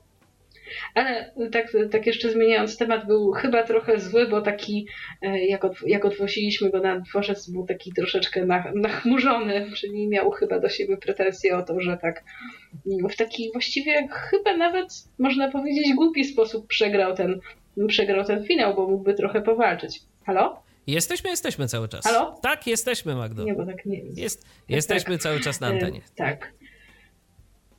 To dobrze. Czyli właściwie, mm, właściwie to było takie mm, ważne. Oczywiście, tak samo jak nawet teraz y, rozmawiam mm, z Wami, nie ukrywam, też mam jakąś odrobinę tremę. Nie powiem, żeby mnie jakoś tak paraliżowała, ale jednak pewna trema jest, jeżeli e, człowiek występuje publicznie, obojętnie czy to jest, e, czy to jest śpiew, czy to jest audycja w radiu. Jednak pewne, pewien element e, tremy się jednak pojawia. Oczywiście. No, no w jednym no, z dziesięciu, prawda, poza tym, że jesteśmy na wizji, może nie na żywo, ale jednak na wizji, to do tego jeszcze dochodzi presja czasu, nie? Tam jest bardzo mało czasu na odpowiedź, więc też czasami no po prostu człowiek tak się zakręci, że dlatego czasami tak. no, padają takie komiczne odpowiedzi, prawda? Tak, trzy sekundy. I jak człowiek sobie ogląda teleturniej z pilotem w ręku. To się wydaje, to wszystko wie. Tak, wszystko wie. Jeszcze z kawą na stole, zrelaksowany i zastanawia się, jak to jest, że ludzie odpadają, że ludzie odpadają na takich głupich błędach. No właśnie, dlatego, że ta trema, że poziom tremy jest dość wysoki, a poza tym każdy, każdy indywidualnie sobie radzi z tremą. Dokładnie. Ty masz jakiś sposób na radzenie sobie z tremą?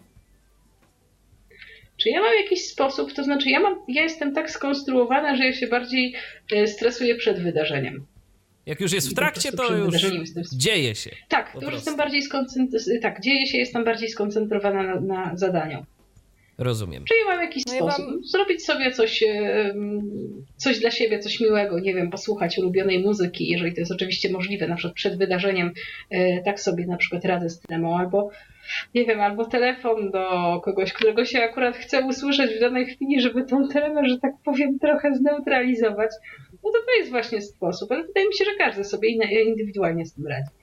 Jeszcze Dorota nam no chciała coś podpowiedzieć. na trochę tak, że jesteśmy chyba na trochę wygranej pozycji, jeśli chodzi o wystąpienia przed kamerami ludzi widzących bardzo nieśmiela widok właśnie tych wszystkich reflektorów, plątaniny kabli, kamer na nas skierowanych. Nawet kiedyś w Dzień Dobry TVN byłam z jakimś tam projektem i to nawet mojego psa poruszyło E, oko kamery, które gdzieś tam się złowieszczo w naszą stronę e, prawda, zbliżało i on, on wtedy się zerwał, prawda, zjeżony, zaczął tam ujadać, to też było na żywo, więc, więc prawda, no, historia e, taka, taka dość mrożąca krew w żyłach, ale no, dla nas, prawda, ja się śmieję, że ja się nie stresuję, bo ja tego zamieszania nie widzę. Oczywiście, no, też mówię to z przymrużeniem oka, bo przecież mamy świadomość, co się, co się wokół nas dzieje, natomiast fakt, że słyszę od ludzi widzących, że po prostu kamera strasznie paraliżuje i ja wtedy do tego Dzień Dobry TVN miałam iść e,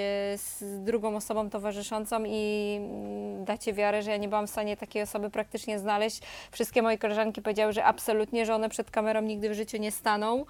Więc no coś, coś takiego jest i tu się śmieję, że my trochę mamy tutaj ułatwioną sytuację, po prostu tego nie widząc. Coś w tym może być, rzeczywiście, bo też się niejednokrotnie spotkałem z czymś takim, że ludzi ta kamera peszy, zresztą nie tylko kamera, też i mikrofon i w ogóle fakt, że występuje się publicznie, że mówi się y, jakieś tam swoje słowa i ktoś tego będzie słuchał potem. A nie, a nie daj Boże jeszcze oceniał potem i będą daj... komentować. A to tak powiedział, tak powiedział i tak dalej, i tak dalej. A w, dzisiejszym, w dzisiejszych czasach, kiedy mamy media społecznościowe, to wszystko ludzie, cokolwiek uważniejsi albo po prostu złośliwi są nam w stanie wypomnieć. No ale dobrze, przejdźmy Owszem. może do kolejnego teleturnieju, przejdźmy do programu Jaka to melodia. Ty, Magdo, też w tym y, teleturnieju uczestniczyłaś. No jak to było? Jaki, jaki wynik? Jak ci się udało? Uczestniczyłam dwa razy. Na początku w 2013 roku e, udało mi się przejść do trzeciej rundy. Też muszę, może, może też pokrótce opowiem, jak, jak wyglądały te rundy.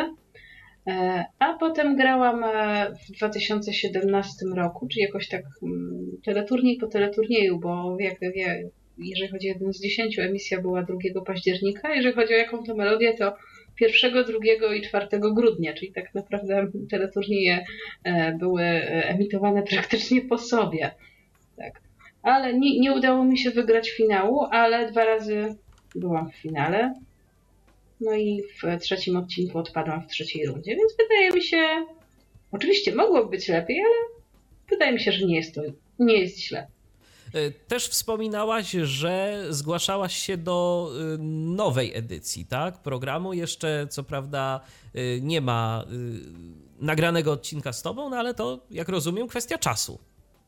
Czy jeszcze, czy jeszcze nie wiadomo? Powiedziano mi, że powiedziano mi, że to będzie, że po wakacjach należy do te, należy dzwonić i się inform, i informować się, gdyż, gdyż jest po prostu dużo chętnych ale co jest, co jest ciekawe w nowej edycji, jest telefon do osób zajmujących się mm, produkcją, eliminacją, eliminacjami e, do tego, do tego odcinka, bo kontakt jest, że tak powiem, osobisty.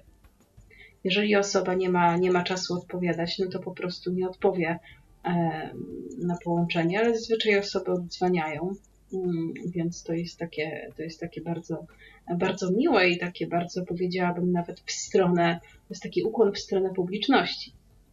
Jest kiedyś był też podany na, na antenie, więc dlatego ja go też, ja go też podam.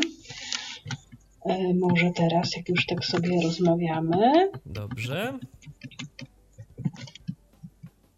E, e-mail melodiamałpatvp.pl, czyli bardzo prosty. E, jeżeli chodzi o numer telefonu, 728 370 146. Jeszcze raz podaję. 728 370 146. Melodia małpa tvp.pl Okej, okay, no to już namiary kontaktowe znamy, a jak y, wygląda y, kwestia eliminacji? Czy tu też y, są jakieś eliminacje, czy musimy wypełniać jakieś formularze? Jak tu sprawa wygląda, jeżeli chcemy wziąć udział w programie? Porównam, stary, porównam starą edycję z nową Dobrze. edycją. Formularz w nowej edycji jest bardzo podobny do formularzu jednego z dziesięciu, ale jeszcze pytają o, mm, o zainteresowania muzyczne. Natomiast jeżeli chodzi o starą edycję, było dużo takich, e, takich pytań, powiedziałabym, dziwnych, na przykład, co byś zrobił, gdybyś znalazł jeden but, e, co szalonego zrobiłeś w życiu i tak dalej, i tak dalej, i tak dalej. I też Dużo trochę takich, takich psychotestów rodem z milionerów, o których wspominała Dorota. Tak, mhm. tak, tak. E, czy ten formularz jest dostępny gdzieś w internecie, czy czy jak możemy wejść w jego posiadanie? Czy Szczerze dopiero go potem dostajemy? Nie sprawdzałam. E, to znaczy, my, w, my przyjeżdżamy na eliminację i wtedy, e, wtedy, mówi, wtedy po prostu jest nam ten formularz podyktowany. Podejrzewam, że jest, aczkolwiek nie sprawdzałam tego. To znaczy, jeżeli chodzi o stary formularz, jest to formularz nieaktualny i no i nie ukrywam, nie ukrywam, nie sprawdziłam tego, ale na pewno jest, na pewno jest dostępny, bo jest y, grupa mm, na Facebooku, do której, y, w skład której wchodzą zawodnicy programu Jaka to Melodia, więc wymieniają się odcinkami, spostrzeżeniami, komentarzami. A jeżeli chodzi o ten nowy formularz, no to tak jak powiedziałam, e, sprawa tu jest prosta, się, wypełnia się go podczas, podczas eliminacji.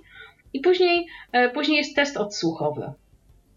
Czyli na puszcza się kilka fragmentów, żeby, e, na tym, że puszcza się kilka fragmentów e, odpowie- puszcza się kilka fragmentów melodii, ale właśnie w nowej formule um, aranże nie były takie same jak w, w odcinkach, E, w starej formule aranże były takie same, aczkolwiek ja muszę powiedzieć, że miałam dużo szczęścia, jeżeli chodzi o, e, o mój pierwszy kontakt ze starą, ze starą melodią, gdyż trafiłam na ludzi, którzy chyba się tutaj znaleźli z przypadku, mówiąc nieskromnie, no bo e, osoba rekrutująca zrobiła taki research, żeby sprawdzić, kto się czym interesuje i pytała na przykład proszę wymienić kilka tytułów czerwonych gitar. No i jeden z drugim. Y, proszę wymienić kilka tytułów Edyty Górniak, utworów Edyty Górniak. Nie wiem, to nie mój klimat. Czerwony, czerwone gitary. Nie wiem, ja tego nie słucham. Moja babcia się tym interesuje, więc po prostu ja na że tak powiem, zestawiając mnie z nimi, wypadał, wypadłam dość, dość pozytywnie i nawet osoba prowadząca testa stwierdziła, że nie zrobi nam jednak testu odsłuchowego, no bo wiadomo, tamci, tamci w ogóle się nie sprawdzili. Ja się dostałam i taka koleżanka, z którą, z którą miałam kontakt przez długie lata. I jeszcze e, pojawia się czasami takie zadanie, na przykład e, proszę wymienić kilka piosenek, które się Państwu kojarzą z jesienią z jesienią albo z kolorem w tytule, czy z kwiatem, obojętnie. Więc to jest też taki, taki sprawdzian e, na kojarzenie. Jasne. Ja jeszcze tak podrążę kwestię tego formularza, bo to jest myślę, że dość istotna sprawa, yy, czyli dostajemy go na yy, eliminacjach do yy, programu. Skąd się w ogóle można dowiedzieć, kiedy są eliminacje? One są ogłaszane gdzieś tam w zapowiedziach telewizyjnych, czy jak to, czy jak to jest? Są ogłaszane w i zapowiedziach, i na oficjalnym, i na oficjalnym Facebooku, a jeżeli my, my się podałam numer telefonu i e-maile, dlatego że można się zgłosić telefonicznie oraz mailowo i wtedy, i wtedy, wtedy odpowiadają. I tak, u nich wygląda to tak, że w biurze, w ich siedzibie eliminacje są codziennie, czyli w Warszawie. Można praktycznie umówić się z nimi na jaką się chce godzinę, oczywiście od poniedziałku do piątku i wtedy można mm, przejść indywidualne eliminacje. Jak również e, eliminacje odbywają się w różnych miejscach, czyli mm, ekipa wyjeżdża i to są zazwyczaj e, weekendy, czyli przed Wrocław, czy Kraków, czy Zielona Góra, w zależności komu co jest po drodze. Czyli jeżeli ktoś e, mieszka na przykład blisko Warszawy, no to może zadzwonić sobie na powyższy numer i, mm, i umówić się z y, osobami prowadzącymi, i umówić się z, z osobami prowadzącymi rekrutację na eliminację. I ten formularz, który tam dostajemy do wypełnienia, czy nam ktoś pomoże go wypełnić, czy, y, czy w jaki sposób? Bo jak rozumiem, dostajemy go w formie papierowej. Tak, dostajemy go w formie papierowej. Obsługa jest bardzo miła, nie ma, nie ma problemu z pomocą w wypełnieniu formularza. Oczywiście, wiadomo, lepiej zgłosić na początku, że jest osoba niewidoma, bo wtedy, nie wiem, jakoś tak logistycznie to może ułatwić sprawę, mogą nawet oddelegować odpowiednią osobę e, do, do przeczytania. W starej melodii musiałam się y, z tym zmierzyć sama, czyli musiałam poprosić w tym przypadku jakąś osobę z chyba pracującą w szatni danego miejsca, w którym się odbywały eliminację i musiałam już przyjść z gotowym formularzem. Rozumiem. Czyli muszę powiedzieć, zestawiając y, starą koncepcję, y, starą formułę z nową formułą, chcę powiedzieć, że stara melodia jest bardziej zbliżona, jeżeli chodzi o etap rekrutacji właśnie do tych do tych teleturniej, takich jak Milionerzy czy Postaw na Milion, czyli jest taka bardziej, no nie powiem wizualna, bo to złe słowo, ale też chyba nastawiona na pewien przekaz medialny, na to, żeby osoba e, się sprawdziła. A nowa, nowa formuła jest nastawiona bardziej na zwykłego, zwykłego widza. A to jest, to jest ciekawe, to jest ciekawe, tak? o, co mówisz, bo na przykład z opinii różnych gdzieś tam, które się pojawiały w internecie, to można wywnioskować, że ta nowa y, formuła y, programu Jaka to Melodia, to jest bardziej widowiskowa i tak nastawiona na to, żeby było lekko, łatwo, przyjemnie i, i z emocjami, niż to, co było kiedyś, y, czyli wersja programu Jaka to Melodia, którą prowadził Robert Janowski. To, no to jest to ciekawe. Znaczy, tak, to jest, e, ja powiem tak, ja nigdy nie byłam mm, przeciwna nowej formule i zawsze chciałam wystąpić. To znaczy, wiadomo, dałam, dałam Norbiemu szansę, bo na początku też byłam troszkę z rezerwą nastawiona, bo e, wiedziałam, co e, Norbi prezentuje na scenie, jakie mądre teksty miał w swoim repertuarze i tak dalej, ale pomyślałam sobie, dlaczego by nie spróbować. Okazało się, że to jest bardzo, że to jest bardzo kulturalny człowiek. Też oczywiście mm, on e, był w trudnej sytuacji, ponieważ jak się przejmuje po kimś daną, e, dany teleturniej czy daną e, rzecz, czy dany program, który dana osoba prowadziła od 20 lat, no to wiadomo, że będą porównania, zestawienia i tak. To jest nieuniknione. I Norbi też znalazł się, wydaje mi się, w trudnej sytuacji, prawda? Ponieważ musiał, musiał przejąć, znaczy musiał, przejął, przejął po Robercie Janowskim program, który już był bardzo znany, popularny. No i, i wydaje mi się, że cokolwiek by nie zrobił, byłoby źle. Też prawda. Bo to, to, nie jest Robert Janowski. No dokładnie. Tak. I części Co widzów by... po prostu się nie przekona. Dokładnie. Y, I na początku, y, wiadomo, mm, Norbi y, nie nawiązywał takiego kontaktu z, z publicznością, nie z publicznością, tylko, przepraszam, z zawodnikami.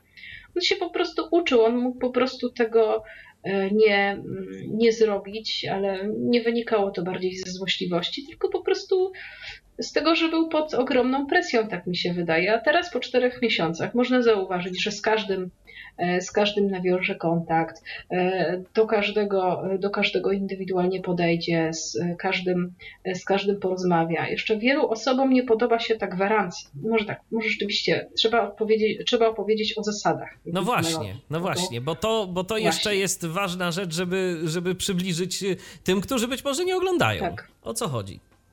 Pierwszy etap, y, znaczy jaka to melodia składa się z czterech, z czterech rund. Pierwsza runda składa się z pięciu utworów, które trzeba zgadnąć. I im dłużej trwa utwór, tym e, stawki rosną mm, od 100 zł do 200 zł. To, czyli stawki, stawki się zwiększają. Im dłużej utwór jest słyszany, tym można wygrać większą, większą stawkę. I potem między przejściem do drugiej, pierwszej, między pierwszą rundą a drugą rundą jest tak zwana gwarancja, czyli jeżeli osoba uzbiera 200 zł w obu rundach, dostanie się do trzeciej rundy.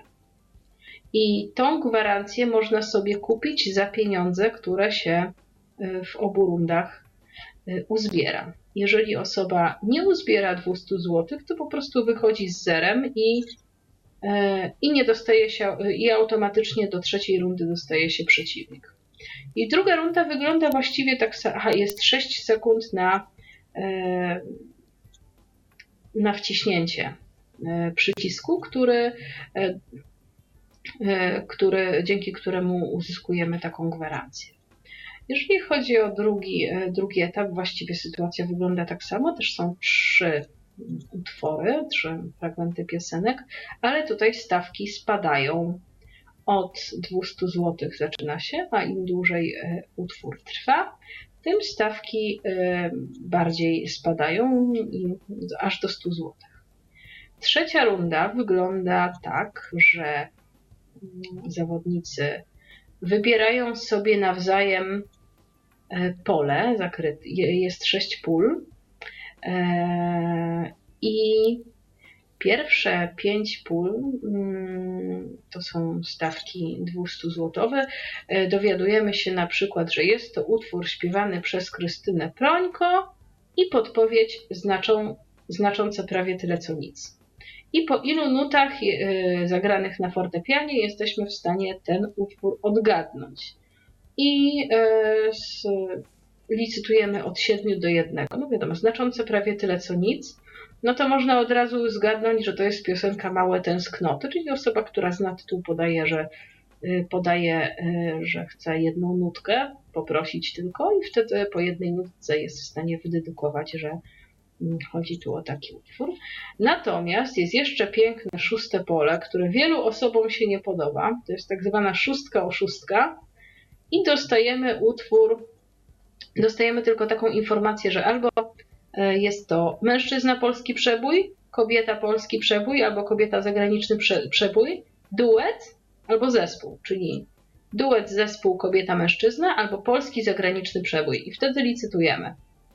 I ta, e, to pole jest warte 400 zł, w związku z tym, że odpowiedzi jest dużo mniej. I jeżeli osoba uzbiera 600 zł, dostaje się do finału i musi w ciągu 30 sekund odpowiedzieć, musi w ciągu 30 sekund zgadnąć 7 fragmentów piosenek. I jeżeli zgadnie 7 fragmentów piosenek, dostaje 10 tysięcy złotych. I osoba, która dostaje się do finału, automatycznie gra w drugim odcinku. W drugim, a potem i w trzecim. Czyli po prostu osoba maksymalnie może zagrać jakby w jednej serii w trzech w trzech odcinkach. I potem jeszcze Czy mamy pan- jeszcze nadal mamy jeszcze nadal te finały, tam powiedzmy miesiąca i tak dalej, czy to już tego nie ma? Tak, mamy. Jeżeli osoba y, to jest y, y, finał miesiąca dotyczy trzech, najlepiej trzech, trzech graczy, którzy, którym udało się zdobyć najwyższe stawki. I takie osoby walczą ze sobą w każdym, w każdym miesiącu, i to zazwy- zazwyczaj w niedzielę, i wtedy można wygrać chyba albo 50 tysięcy, albo samochód, nie pamiętam tego, i złotą nutkę. Tak, nie, 50 50 tysięcy, przepraszam, teraz się już, teraz się już to akurat zmieniło, już samochodu nie ma. Mi się troszeczkę, przepraszam, e, mylą te dwie formuły jeszcze. No tak, bo jeszcze ta formuła, bo ta formuła nowa jest y, przecież od niedawna, także to jeszcze może Tak. się mylić, oczywiście. I są finały roku, są odcinki z gwiazdami także, więc. Są tak też odcinki tak to specjalne wygląda. różne, tak. Tak, tak. Odcinki są emitowane w tygodniu o 17.25 w TVP1. I właśnie zapomniałam powiedzieć, że y, jeden z dziesięciu jest emitowany też od poniedziałku do piątku w ym, TVP1 o 18.55. Jakby Tak, teraz, teraz jest w jedynce. Kiedyś był w dwójce przez wiele, wiele lat, no Tak. ale zmieniły się decyzje i został przeniesiony ten teleturniej do jedynki telewizyjnej. Czy coś Taka jeszcze, Magda, a propos zasad? A propos zasad nie, ale tak sobie przypomniałam a propos jednego z dziesięciu, bo tak jak powiedziałam, że są powtórki. Czyli jeden właściwy odcinek był emitowany w TVP2 z moim udziałem, a powtórka już była emitowana w TVP1. No Taka proszę. śmieszna sytuacja No tak. miała miejsce. Okej, e, A to, propos zasad chyba, nie, chyba nic, chyba, To że, tak, to- chyba, że to, chyba, to nie- chyba tyle nie rzeczywiście. chciałabym dodać. Chyba, że ktoś chciałby coś zapyta, o coś zapytać, to wtedy chętnie udzielę takiej odpowiedzi. To zapraszamy w razie czego. Jeszcze jesteśmy cały czas na antenie, na żywo. 123 834 835. Nasz telefon aktywny i do Waszej dyspozycji. Zadzwonił do nas jeden słuchacz, no to może jeszcze jakiś telefon się pojawi. Kto wie. Ale w każdym razie teraz przechodzimy dalej, czyli y, za nami. Czy tu są jakieś jasne zasady odnośnie tego, y, co y, decyduje o tym, że dostajemy się do programu, czy nie ma takich? To znaczy, jeżeli chodzi o eliminację, nie ma takich. Można mm, czekać, y, można czekać długi, długi czas. Ja już wiedziałam w starej formule, że będę grała, w związku z tym, że ja mm, trafiłam na dość kiepsko przygotowany zespół, więc ja po prostu, ja się po prostu wybijałam na y, tle tych ludzi, o których wymieniłam wcześniej, więc ja, których wy, wymieniłam wcześniej, więc ja już po prostu wiedziałam, że za trzy tygodnie będę grać. Jeżeli chodzi o nowy, mm, nowe eliminacje, to, to powiedzieli, że się ode, powiedzieli Państwo, że się odezwą. No i ja zapytałam, jak, jak wygląda mm, kwestia, kwestia mojego udziału. No i odpowiedziano mi, że dopiero po wakacjach em, temat będzie, temat będzie wznowiony. Rozumiem. Tak to wygląda. No dobrze, a to teraz może w takim razie opowiedz o tym, co już y, za tobą. No co prawda, może to troszeczkę będzie też inaczej wyglądało w tej nowej formule. No tego nie wiemy, bo jeszcze nie brałaś udziału w nagrywaniu nowego odcinka, y, znaczy odcinka w nowej formule programu Jaka to Melodia, ale jak to wszystko dalej wy, wygląda? Bo jak rozumiem, eliminacja to jest jeden, jedyny etap wstępu. y, Potem, kiedy już, kiedy już to przejdziesz i dostaniesz informację, kiedy będzie nagrywany program, to po prostu trzeba w odpowiednie miejsce pojechać. No i gdzie właśnie? Do Warszawy, czy też w jakieś inne E, miejsce? Tutaj do, Warsza- e, do Warszawy m, na ulicę Woronicza. I właśnie, kiedyś było tak, e, właśnie w, nowej, w, w starej formule, że pierwszy raz jak start, pierwszy raz jak startowałam, dostałam dwa dni wcześniej informację, kiedy, że muszę się stawić, że muszę się stawić do studia. Tak trochę nie wiedziałam, co z tym fantem zrobić, no bo dwa dni to nie jest dużo czasu. Jeszcze miałam inne rzeczy w życiu zaplanowane, ale musiałam to, musiałam to odłożyć. I y, tak wygląda teraz, tak powiem, komercyjna telewizja.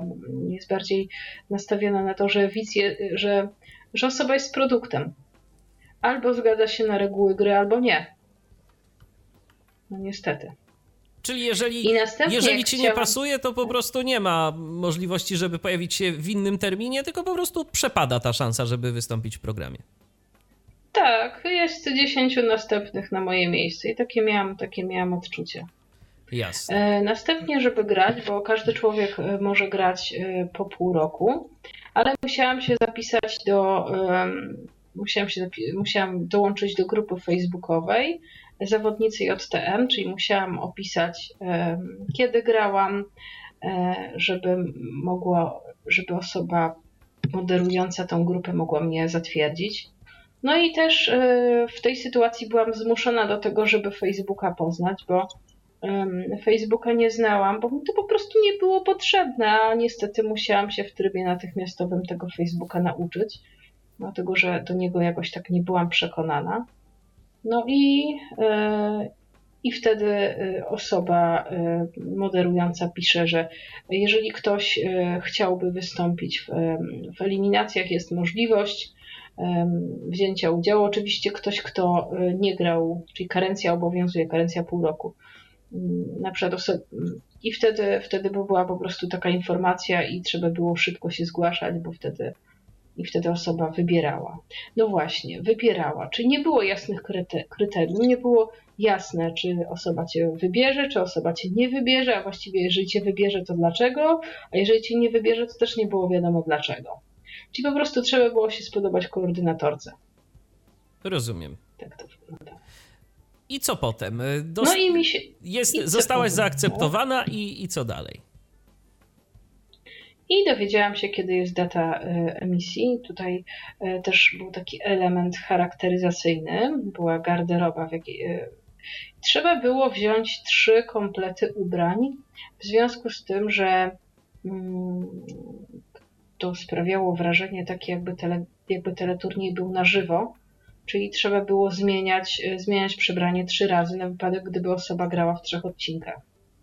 E, tak jak już powiedziałam wcześniej, jeżeli były jakieś problemy z, z garderobą, no to e, czy, czy jakaś bluzka interferowała, to były inne bluzki na stanie mm, telewizji, które można było sobie wypożyczyć, wypożyczyć do odcinka. No tak, ale lepiej no było mieć coś swojego mimo wszystko, bo to tak, ale ja miałam dwa komplety, muszę powiedzieć, właśnie w 2017 roku, które oni odrzuci, odrzucili. Już nie pamiętam dlaczego. Jest mi, w związku z tym, że kolor jest mi obcy, um, trudno mi jest powiedzieć dlaczego. Właśnie dlatego, że interferowały i się po prostu nie nadawały. Coś, coś, było nie tak, coś było nie tak z kamerami, więc mimo tego, że miałam trzy własne komplety, no to musiałam i tak skorzystać z ich, mm, z ich kreacji po charakteryzacji no i... wejście do studia, czy coś jeszcze? Czy jakaś papierolo papierologia? Y, oczywiście, papierologia była. Ale właśnie tak jak w jednym z dziesięciu było więcej takich y, bardziej, bardziej literaturnie jest nastawiony pro osobom niepełnosprawnym. Było więcej takich możliwości pomocy, to tutaj trzeba było mm, bardziej sobie samemu z tym radzić. I też y, trzeba było radzić sobie z noclegiem, bo trzeba trzeba powiedzieć, że nie wiadomo w ilu odcinkach się zagra. Jeżeli emisja była na przykład na godzinę 15, bo ja miałam mm, emisję nagrania na godzinę 15, e, były jeszcze opóźnienia, ponieważ w moim dniu nagrywano, nagrywano odcinek specjalny z gwiazdą. Jeszcze Andrzej Krzywy był wtedy w studiu, no to wiadomo, to się musiało jakoś przesunąć. Więc my praktycznie weszliśmy o 18. Czyli 3, 3 godziny obsługa. No i e, drugi odcinek był bardzo późno nagrany i trzeci odcinek trzeba było nagrać rano. Więc po prostu, jeżeli się idzie do melodii, nie wiem jak jest teraz, muszę powiedzieć. Jeżeli się szło do tamtej melodii, to trzeba było zapewnić sobie nocleg. A jak. E, ja akurat sam... byłam. Aha. Tak? A... Ja akurat, to też mi się taka śmieszna historyjka przypomniała, bo ja brałam udział w takim eksperymencie, nie wiem czy, e, czy pamiętacie, tym sprawdzającym nasz mózg.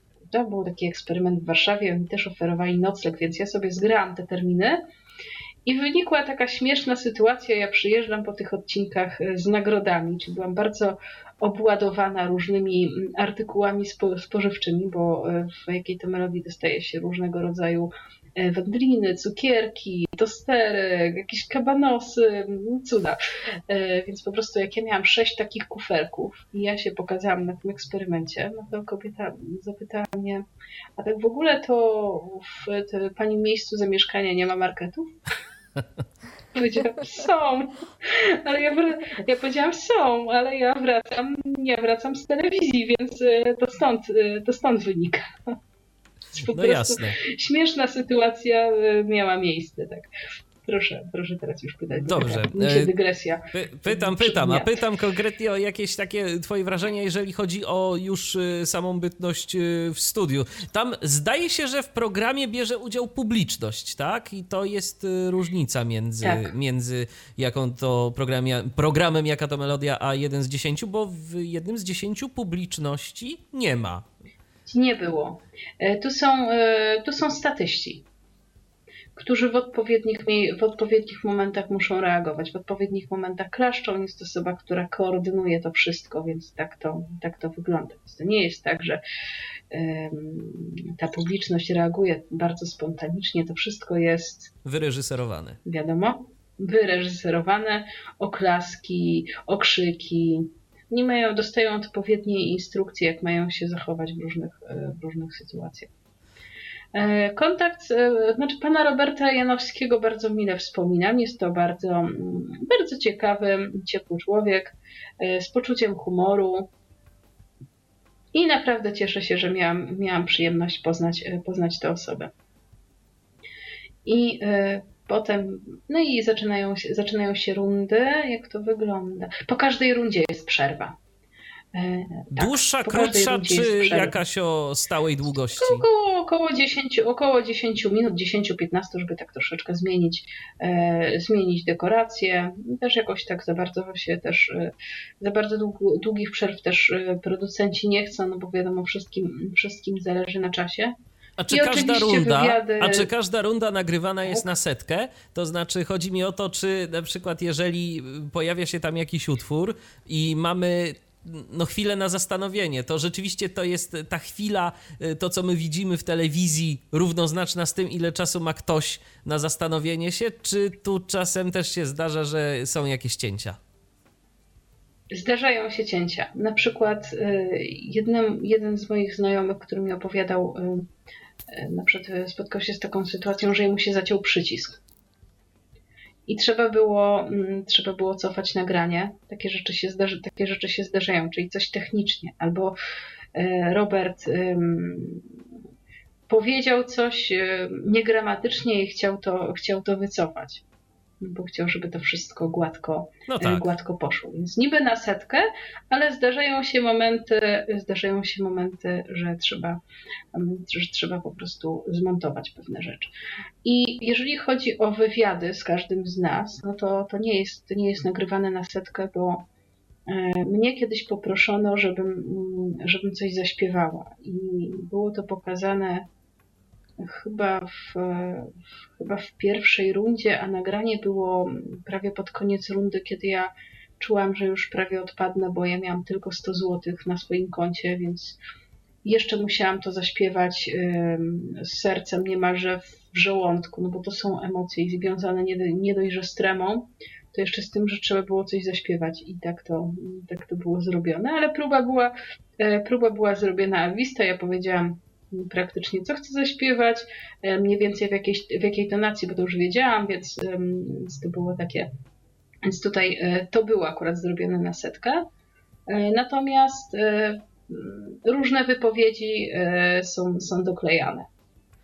Pojawiają się w programie też różni artyści, gwiazdy, którzy śpiewają różne piosenki, e, a przynajmniej tak kiedyś było. Teraz to szczerze mówiąc nawet nie pamiętam, czy, czy nadal tak jest. Chyba tak. Teraz też tak jest. Teraz też Teraz tak jest. Też tak. E, to czy oni pojawiają się w tym samym momencie, kiedy wy bierzecie udział w tym programie? Miałaś okazję tam kogoś spo, e, spotkać z osób znanych, czy to wszystko dzieje nie. się wcześniej? To jest nagrywane wcześniej? To wszystko, to wszystko jest nagrywane wcześniej, bo gdyby proszę sobie wyobrazić, że gdyby miała przyjechać jakaś wokalistka, dajmy na to Celine Dion z jakiegoś innego, czy z kraju, no to nagranie takiego utworu z taką, mm, z taką wokalistką bardzo dużo czasu by zajmowało i za każdym razem. I to też pewnie pod, podrażałoby koszty. No to prawda. A jak się, jak się daną osobę raz nagra, no to już potem można e, puścić z taśmy. Jest e, to, jest to teledysk. I nawet tak naprawdę można to puścić kilka razy w odpowiednich odcinkach i się ludzie nie no, zorientują. Tak jest, tak jest. Tak. Na przykład e, jest jedna wokalistka, która tak samo fałszuje w tym samym miejscu, więc to jest, to jest, to jest nagrane z taśmy. Aczkolwiek nie, nie ma masteringu, bo nie przechodzi to przez autotuning, bo, no bo po prostu słychać pewne, słychać pewne niedociągnięcia. Jeżeli ktoś ma w miarę absolutny słuch, to jest w stanie to, e, to wyczuć.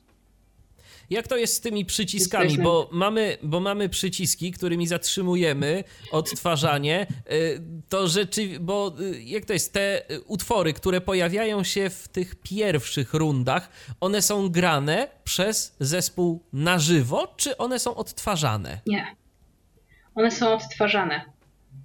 I też trzeba powiedzieć tutaj o takiej rzeczy, no bo, bo wiele osób się na pewno zastanawia, jak to jest, że ludzie tak szybko, szybko reagują.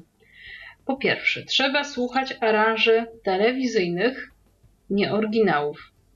Zawsze utwór X zacznie się albo od werbla, albo od jakiegoś dźwięku na fortepianie. Zawsze to tak będzie. Więc jeżeli na przykład słyszymy kategorię czerwony gitar i słyszymy, że piosenka się zaczyna już od werbla, to my już nie musimy czekać, e, aż ta piosenka zabrzmi. My już po prostu wiemy, że to jest na przykład, dajmy na to, historia jednej znajomości i wciskamy odpowiadami. Stąd tak e, szybko ludzie odpowiadają.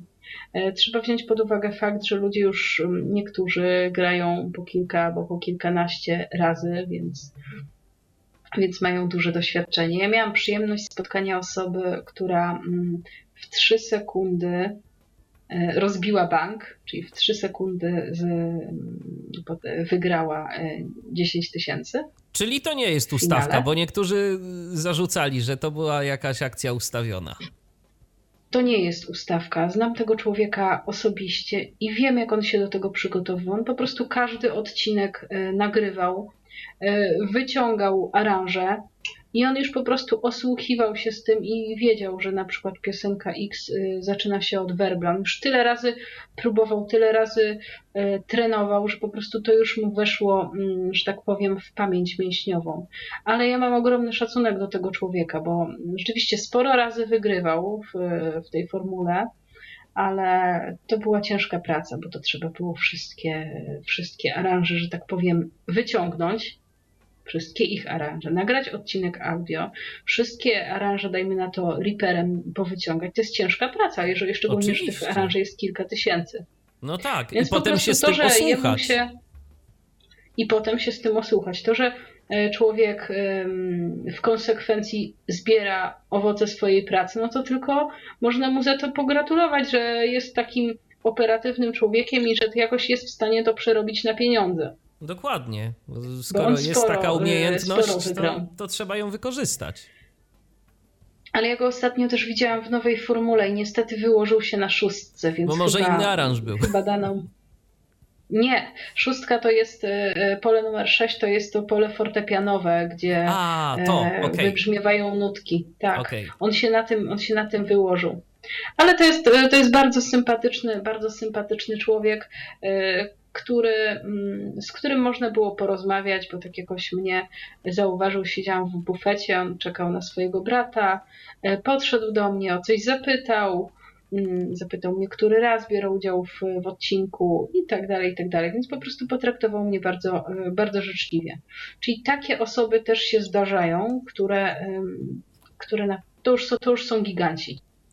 No tak. No i z pewnością jest to okupione gdzieś tam ciężką pracą, żeby, tak jak wspomniałaś, tego wszystkiego posłuchać, zapamiętać. No tak. No to, to, już, to już tak. trzeba się jednak napracować. To są pieniądze, ale te pieniądze tak wcale łatwo nie przychodzą i nie wiadomo, co, co przychodzi łatwiej, czy popracować sobie gdzieś tam od tej 8 y, do 16 na etacie przez 5 dni w tygodniu, czy zapamiętać to wszystko, co, co gdzieś tam y, jest do zapamiętania no i trzeba pamiętać też o tej karencji, która e, przecież nie pozwala nam grać, nie wiem, na przykład co miesiąc. Tak, tak. Ale też y, trzeba powiedzieć, że aranży nie zmieniono w nowej formule. Aha. Czyli jak ktoś się osłucha z aranży... Tak. Czyli nie, zaczy... nie zaczyna się od zera. No to fajnie. Tak to dla tych, którzy się, już nauczyli, od... to... Tak. To jest tak. Ale no niestety tu jest może właśnie dla tych y, gigantów taką, może nie czarną owcą, ale takim, takim punktem zwrotnym jest ta szóstka, ponieważ ta szóstka jest nieprzewidywalna. To jest to pole numer 6 w trzeciej rundzie płatne 400 zł, więc po prostu tutaj na tym się można przejechać i to jeszcze, jeszcze na to nie znaleziono sposobu, jak złamać ten klucz, ale podejrzewam, że e, po kilku Nowa formuła kilku jest od niedawna, więc być może uda się coś tam jeszcze komuś tak. zadziałać w tej kwestii. Magdo, czy jeszcze jakieś takie twoje wrażenia co do programu no Jaka to Melodia? Właśnie się zastanawiam. Ha, dostaje się rzeczywiście takie, e, dostaje się rzeczywiście autentyczne nagrody w kuferkach. Czyli to są wielkie, wielkie pudła. No i trudno jest się z tym wszystkim zabrać, bo jak człowiek gra w kilku odcinkach, ja w tym przypadku grałam e, w trzech odcinkach, to są takie trzy wielkie, to jest, to jest takich sześć wielkich pudeł i to trzeba jakoś wziąć e, wziąć, e, nie wiem, w dłoni, tudzież jakoś do taksówki, żeby się, mm, żeby się znaleźć na dworcu. I tutaj właściwie nie zwracają kosztów, kosztów podróży. Takie wrażenie, że mniej się mniej się troszczą mm, o uczestnika, tak jak w jednym z dziesięciu, czy nie ma takiego, przynajmniej tak było, nie wiem jak jest teraz, bo e, opowiadam o tym, co, co miało miejsce, co miało miejsce dwa lata temu, e, znaczy, przepraszam, półtora roku temu, czyli po prostu nie zwraca się kosztów, e, kosztów podróży, po prostu bardziej człowiek jest sam, jest nastawiony na, na samodzielność i na, na radzenie sobie w różnych, w różnych sytuacjach. Rozumiem. Ale to jest właśnie fajne. Jest, jest, były takie e, zloty, melodiowi, e, zloty melodiowiczów, czyli po prostu organizowane przez, e, przez kogoś, kto się zajmuje Facebookiem. Tak jak teraz jest organizowany zlot Eltenowiczów, to wygląda to tak trochę na takiej samej zasadzie, tylko tematy dyskusji facebookowych dotyczą, dotyczą melodii, dotyczą odcinków, ewentualnie i zawodników. Jest coś takiego. Są takie grupy. E, grupa odcinki, gdzie można powymieniać się odcinkami. Osoby, które sobie nagrywają, e, nagrywają odcinki w audio. Teraz jest VOD, więc teraz jest łatwiej, ale kiedyś tego nie było. Kiedyś tego nie było, dokładnie. E, jest. Tak. Skąd trzeba było brać te wszystkie mhm. materiały na podkłady, tak żeby się z nimi osłuchać? Tak, kiedyś się nagrywało na wideo jeszcze, potem, potem się to wszystko digitalizowało, więc to naprawdę była ciężka praca. Ten, mm, ten chłopak mi to opowiadał. Mm. Musiał nagrywać odcinek na wideo, potem to wszystko wycinać, potem jeszcze to wszystko digitalizować, naprawdę, i potem tworzyć bazę. Sobie Owszem. taką bazę stworzył. No więc to rzeczywiście. Potem, e, co jest. tak, pracy. co jeszcze było? Jest jeszcze właśnie to forum, mm, jest jeszcze to forum zawodnicy, e, w którym można się dowiedzieć o tym, kiedy osoba będzie grać. Czyli nie ma tradycyjnych metod w sensie listów, w sensie telefonu, znaczy nie było tradycyjnych metod w sensie listów, w sensie telefonów, tylko Facebook. Czyli jeżeli się chce, chciało grać w melodii, no to, no to trzeba było mieć Facebooka. No teraz to się troszkę zmieniło i bardzo się z tego cieszę, że jednak można się mm, tradycyjną metodą skontaktować, no bo nie każdy musi lubić Facebooka. A tamta formuła jednak troszeczkę zmuszała nas do tego, żeby żebyśmy się tego e, Facebooka, żebyśmy się z tym Facebookiem oswoili. Ale widzisz, przynajmniej no zyskałaś jest... nową umiejętność dzięki temu. Tak, tak. I jeszcze to była taka grupa odcinki.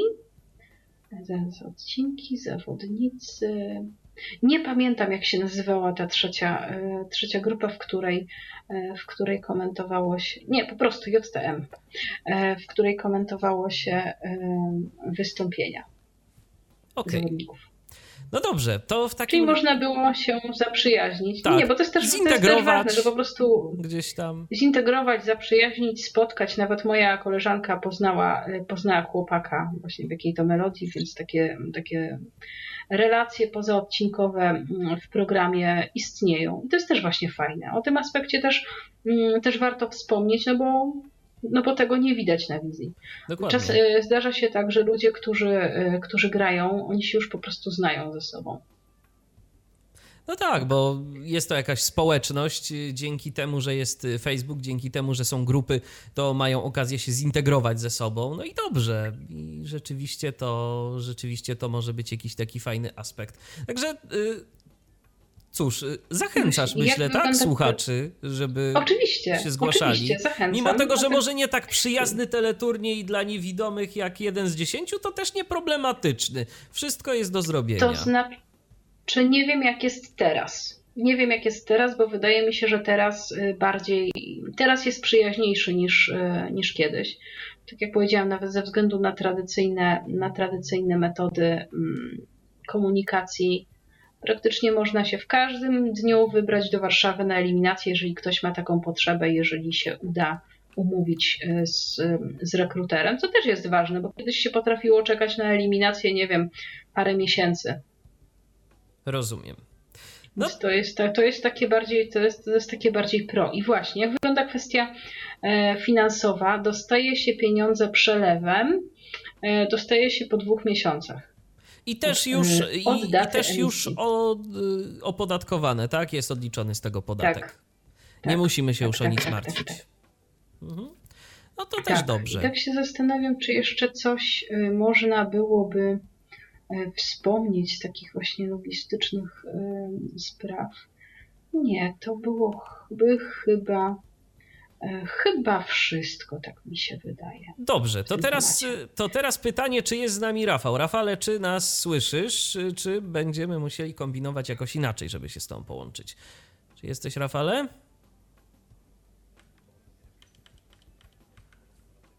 No, wygląda na to, że, że z Rafałem mamy problem, aby się połączyć.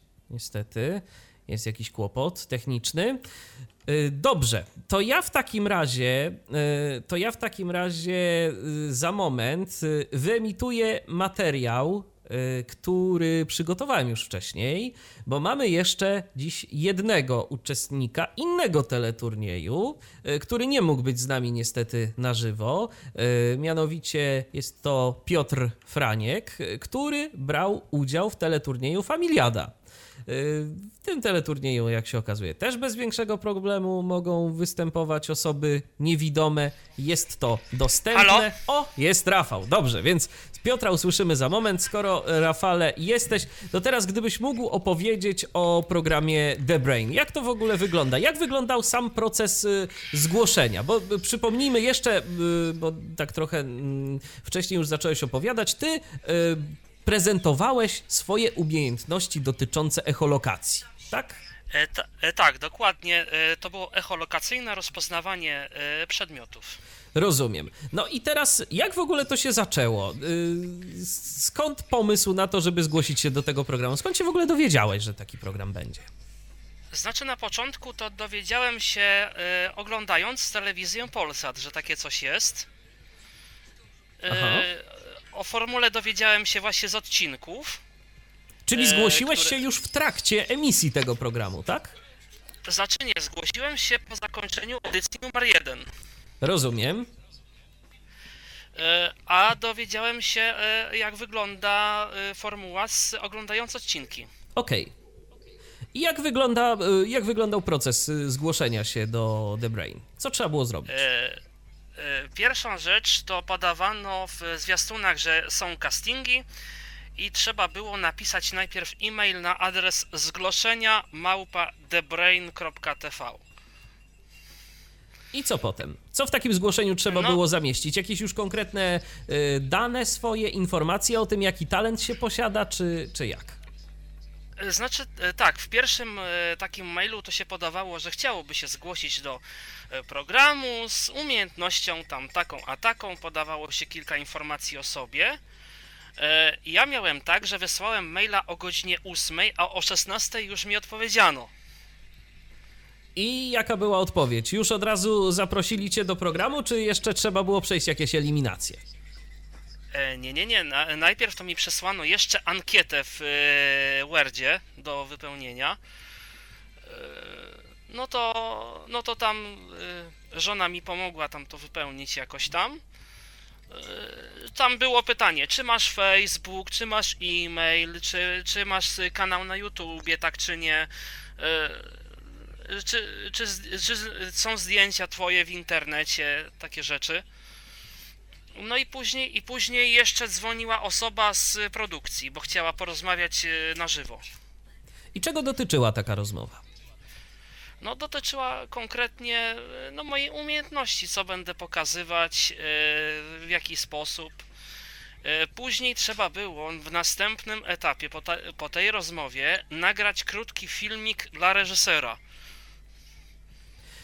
Czy były jakieś wskazówki odnośnie tego, jak ten filmik ma wyglądać, co ma zawierać ten filmik, czy po prostu tu była dowolność tak naprawdę? Nie, tutaj, tutaj ta, trzeba było też o, o, swojej umiejętności opowiedzieć w tym filmiku, tylko tyle właściwie. Ja go nagrałem a propos z iPhone'em. Aha. Żona mi tutaj pomagała, wybraliśmy taki, taki teren, jakiś park to był czy coś, coś dużo, zieleni dużo w każdym razie. No, no, i, no i tyle. Trzeba było go znowu wysłać tam na tego maila, żeby sobie reżyser to obejrzał. I obejrzał i yy, co dalej? No i później, yy, później, bo przy, przed każdym jakby wejściem danego uczestnika jest nagrywana taka, jest jakby yy, prezentowana taka prezentacja uczestnika z miejsca jego zamieszkania. Czyli co, przyjechała do Czyli... ciebie telewizja? Tak, przyjechała ekipa cała, charakteryzacja, kamery, dźwiękowiec, wszystko. I prowadząca taką wizytówkę, czyli pani Sienkiewicz. Agnieszka Sienkiewicz dokładnie. I taka wizytówka, no jak oni przyjechali o 10, to no skończyło się nagrywać o 19, bo oni nawet byli w stanie pójść ze mną i z, i z żoną do, do restauracji i nam postawić jakieś tam jedzonko. No to zadbali o was. Rzeczywiście. No, za, za, zadbali, tak. I, I ja tam miałem różne tam. Yy, najpierw na przykład nagrywali jak chodzę z laską, czyli to były nagrywania, yy, nagranie bez dźwięku, czyli to polegało na tym, że ja sobie szedłem i ten kamerzysta szedł przede mną, albo było tak, że ludzie się już totalnie gapili, bo ja sobie idę, a tu yy, kamery za mną to dom, to dom posuwają. Rozumiem. I takie nagranie tej wizytówki, która pewnie trwała tam kilka minut albo kilkadziesiąt sekund, to zajęło pewnie cały dzień.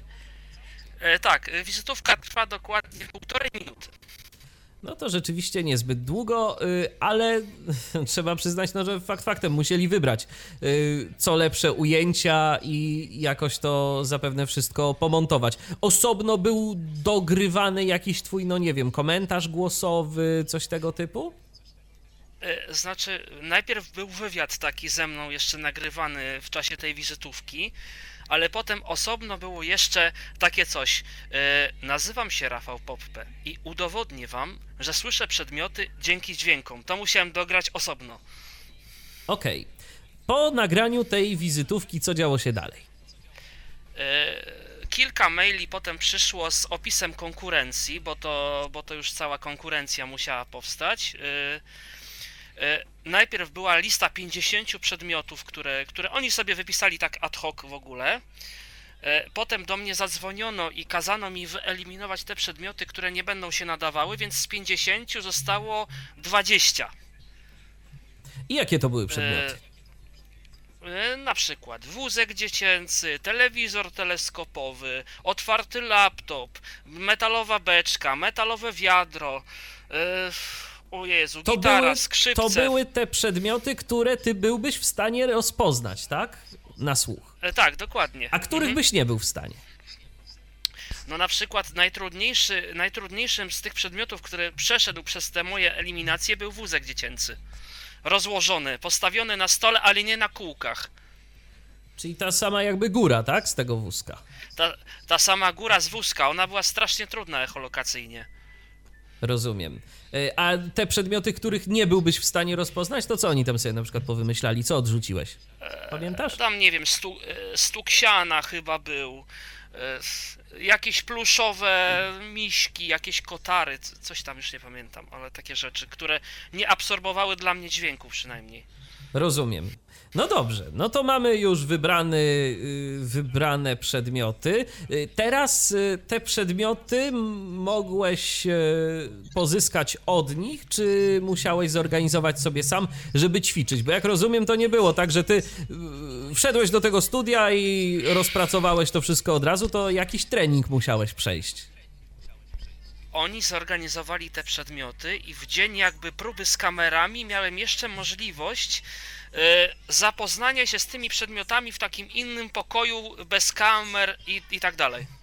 Czyli to nie było tak, że ty mogłeś sobie na przykład te wszystkie przedmioty zgrom, y, y, zgromadzić gdzieś tam i poćwiczyć rozpoznawanie ich przez, nie wiem, przez dwa tygodnie, tylko miałeś na to zdecydowanie mniej czasu. No, no, zdecydowanie, bo, bo oni te przedmioty organizowali. Oni potem wyjmowali na przykład na próbie kamerowej ze skrzyni y, pierwszy lepszy przedmiot i go stawiali tak cicho, żebym nie usłyszał, co to jest.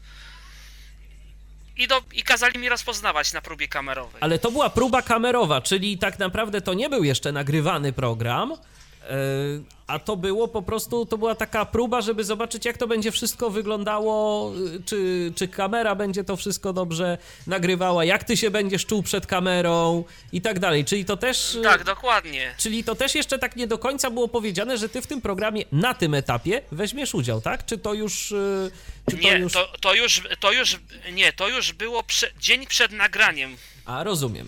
Okej. No i co dalej? E, I, i oni e, napisali mi, w jakim hotelu będę spał w mailu. Czyli nocleg I, e, nie- Koszty noclegu. Nocleg, e, tak jest.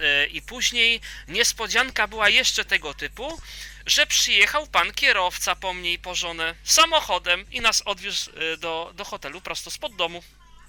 A, no to proszę. To ładnie.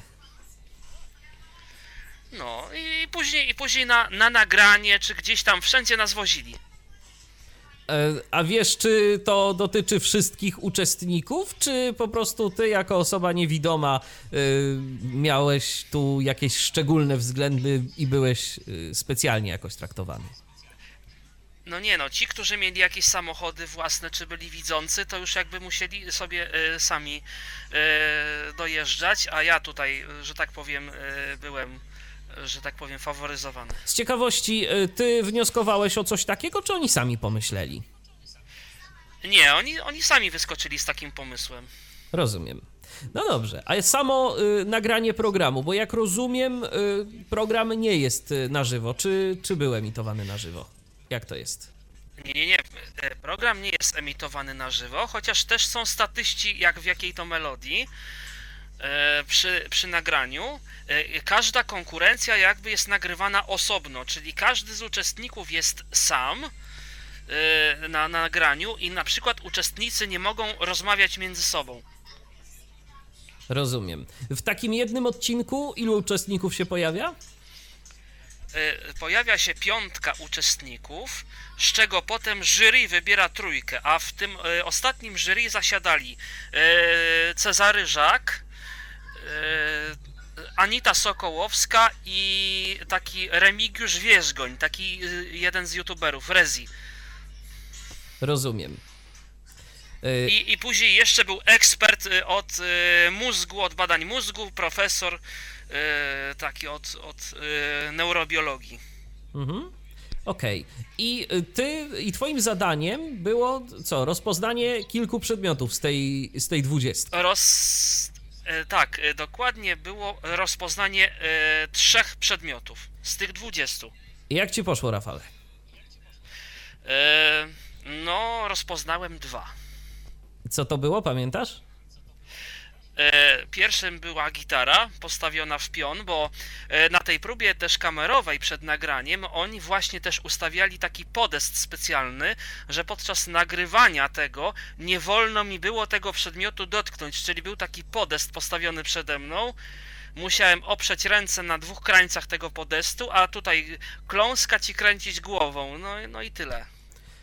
I w ten sposób. E, a z jakim przedmiotem sobie nie poradziłeś?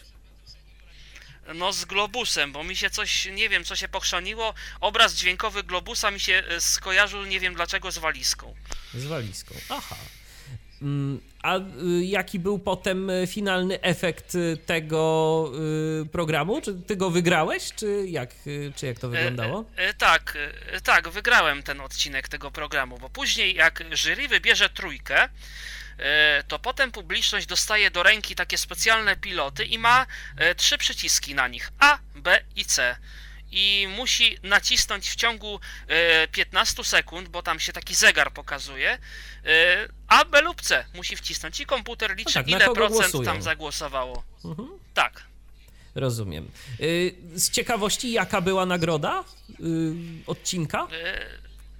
No, pieniężna, przede wszystkim pieniężna i plus statuetka The Brain, genialny umysł. I jak to było z y, pieniędzmi? To było y, przelew, czy dostałeś y, gotówkę po, po programie? No nie no, takiej gotówki to no byłoby ciężko, że tak powiem, to dos... znaczy może ciężko by i nie było, ale ona była dość znaczna, że tak powiem, bo 30 tysięcy złotych po obcięciu podatku 27 tysięcy plus jeszcze taki, taka e, wypłata jakby po miesiąc po odcinku 1500 zł jakby za uczestnictwo. Ale to wszystko było na konto. E, ta główna nagroda była 3, dwa dni po emisji odcinka, a ta, a ta druga transza była miesiąc po. Rozumiem. Jeszcze zapewne przed samym nagraniem odcinka yy, musiałeś podpisać różnego rodzaju dokumenty. Powiedz mi, jak to było? Miałeś okazję się z nimi zapoznać yy, bez większego e, problemu? Oczywiście, bo mi przesłano, wzór umowy mi przesłano na maila, chłe, chłe. No to super. No to w bardzo dostępny sposób wiedziałeś, co podpisujesz. No dokładnie, ale jeszcze żeby było śmieszniej, to te umowy, które musiałem podpisać, przysła yy, przysłano mi do domu. Yy, to znaczy przesłano ci w wersji papierowej już wtedy, tak? Yy, tak, przesłano mi w wersji papierowej i musiałem, że tak powiem, je odesłać normalnie pocztą do Warszawy. No tak, żeby, żeby został gdzieś ślad w archiwum e, i jeżeli chodzi o podpis. A jak sam e, prowadzący program The Brain? E, miałeś okazję z nim porozmawiać jakoś? Rozmawiał z wami jako z uczestnikami, czy, czy, czy nie było czegoś takiego? Znaczy tak, program prowadził prowadził, Boże, Boże, jak on się nazywał? Jerzy Mielewski. Aha. E, to, to, jest, e, to jest facet, który teraz komentuje siatkówkę w Polsacie Sport, e, ale on prowadził ten program i jakby przy każdym nagraniu jeszcze zadawał kilka pytań każdemu z uczestników. No tak, ale tak gdzieś tam powiedzmy w międzyczasie, za kulisami, mieliście okazję z nim jakoś tak chwilę porozmawiać, czy to tylko w trakcie nagrania on się pojawiał i ot i tyle? Nie, nie, nie, znaczy, znaczy my mieliśmy chyba okazję chwilę z nim pogadać, ale to... A, nie, czy w sumie to nie, w sumie to, to był... On był tylko na nagraniu e, tak naprawdę, a mieliśmy okazję pogadać z tym, z e, członkami jury. Rozumiem. I jakie wrażenia po, po jury? Jak na przykład reagowało na jury na twoją umiejętność? No, no Rezi na przykład było, yy, było mi, żona mi powiedziała, że się Rezi złapał za głowę. Co? Jak? I stali wszyscy na stojąco ci No i, no i wstali wszyscy, były na stojąco owacje przy okazji. No to pogratulować. Tylko i wyłącznie. Dzięki. No, no i przy okazji nagrody, która rzeczywiście trzeba przyznać jest niemała. Program The Brain y, na chwilę obecną no nie jest emitowany. Y, coś ci wiadomo, Rafale, czy on jeszcze wróci? Gdzieś masz może jakieś informacje o, na ten temat? Niestety przecieków, niestety przecieków nie mam. Y, żałuję niestety, że że nie wrócił e, jak w trzeciej edycji, ale. Jeszcze raz ale można by się było tam wybrać. No, ta sama osoba to nie wiem, ale no trzeba by inną umiejętność teraz wymyślić. Ewentualnie, no tak. Zawsze to jakaś, e, zawsze to jakaś opcja. A powiedz mi, ile czasu przed emisją nagrywany był odcinek? Znaczy, jeżeli emisja mojego odcinka była dokładnie 19 września, to nagranie było 20 lipca. Aha, czyli no jednak trochę czasu, trochę czasu wcześniej. No tak, bo na przykład musieli tą wizytówkę pomontować, No bo też potem fakt. na przykład bo na przykład później jeszcze miałem e, po emisji relację na Facebooku na żywo tej, e, tego programu. I, Czyli przyjechał reżyser wizytówki. I na czym ta relacja polegała? Co się w trakcie niej No, że działo? on się, on się połączył, na, normalnie zrobił relację na żywo na Facebooku i on ze mną krótki prowadził wywiad i jak się pojawiały pytania od internautów, to on mi je czytał i ja na nie odpowiadałem. Zapamiętałeś jakieś takie najciekawsze pytania? No na przykład, nie no, pytali, pytali mnie, no, e, takie podstawowe, ile mam lat, od kiedy nie widzę, od kiedy tą umiejętność mam. Takie, takie rzeczy podstawowe bardziej. Rozumiem. Dobrze, Rafale, no to ja miałbym y, chyba tyle pytań. Y, Nasi słuchacze pytań nie mają, jak widać, y, nie dzwonią. I tak sobie myślę, że w ogóle będziemy już powoli kończyć nasze dzisiejsze spotkanie na antenie Tyfloradia. Ja jeszcze za moment wyemituję materiał, który przygotowałem wspólnie z Piotrem Frankiem. A Wam bardzo serdecznie już będę dziękował za udział w dzisiejszym programie. Ja przypomnę, że na antenie Tyfloradia rozmawiamy, a właściwie można powiedzieć, rozmawialiśmy o teleturniejach. E, Magdalena Marciniszyn, Dorota Ziental i Rafał Poppe e, byli moimi dzisiejszymi gośćmi. Bardzo Wam dziękuję za udział w dzisiejszej audycji. Dziękujemy Dziękujemy. bardzo. I ja również dziękuję za uwagę. Za moment jeszcze materiał dotyczący familiady. Michał Dziwisz, kłaniam się i do usłyszenia do następnego spotkania na antenie Tyflo Radia. A teraz już zapraszam do wysłuchania materiału. A w Tyflo Podcaście mamy jeszcze jednego gościa, co prawda nie na żywo, no ale po prostu na żywo się nie dało. A myślę, że o kolejnym teleturnieju, w którym e, biorą udział osoby niewidome, również warto opowiedzieć. E, Piotr Franiek jest e, ze mną teraz na antenie. Witaj Piotrze. Witam pierwszy raz w takiej formie. Tak, debiut na antenie Tyfloradia można powiedzieć. No to pochwal się naszym słuchaczom, w jakim teleturnieju brałeś udział? Brałem udział w Familiadzie, to był odcinek 2459, jeśli ktoś chce e, sobie go obejrzeć, można to w internecie znaleźć. I jak to Brałem było? To był jakiś w- odcinek y, specjalny, czy to był odcinek, y, gdzie po prostu familię zaciągnąłeś i razem startowaliście? Brałem udział z osobami niewidomymi innymi oraz z widzącymi żeglarzami w ramach e, zdobywania środków dla Fundacji Zobaczyć Morze. Aby e, wszyscy, którzy chcą, a nie mogą, e, mieli pieniądze na e, dofinansowanie do rejsu. Y, Kto był pomysłodawcą tego? To twój pomysł, czy tak razem sobie obmyśleliście, że to byłby jakiś dobry sposób na zebranie funduszy? Pomysłodawczynią była Kasia Bosak, która mieszka w Warszawie na co dzień. Jest jedną z widzących osób, które od kilku lat właśnie pływają z nami na rejsy. Zebraliśmy dwie drużyny. Jedna drużyna niewidzących, a druga drużyna widzących. I w takim składzie poszliśmy e, podbić familiadę. Czyli to był taki odcinek y, specjalny jakby, więc y, czy jego mm, stworzenie, jego produkcja, według twojej wiedzy oczywiście, różni się czymś od takiego standardowego odcinka, gdzie zapraszamy po prostu osoby z naszej rodziny, z naszych bliskich, żeby razem z nami wzięli w nim udział? Tak, e, standardowe odcinki o tyle są inne, że jeśli y, drużyna jakaś wygra, no to może jeszcze brać udział w kilku następnych, a odcinki specjalne są jednorazowe.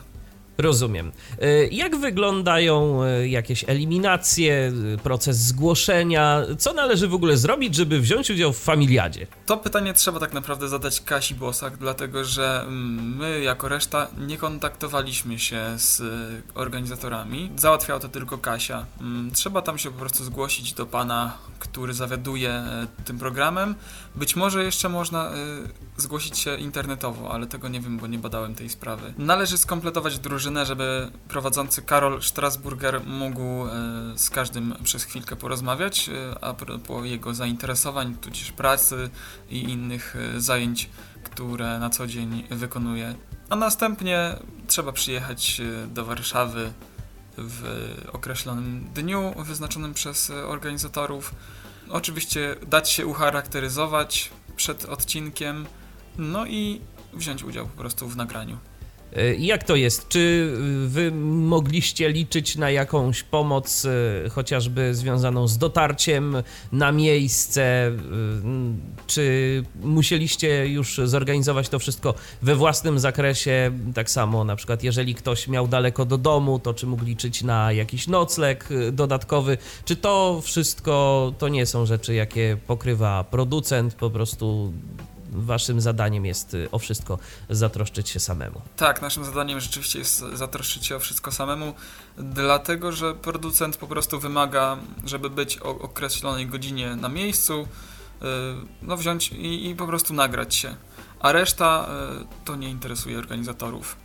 Familiada trwa około pół godziny, przynajmniej jeżeli chodzi o emisję. Ile czasu trwa nagranie takiego odcinka w rzeczywistości?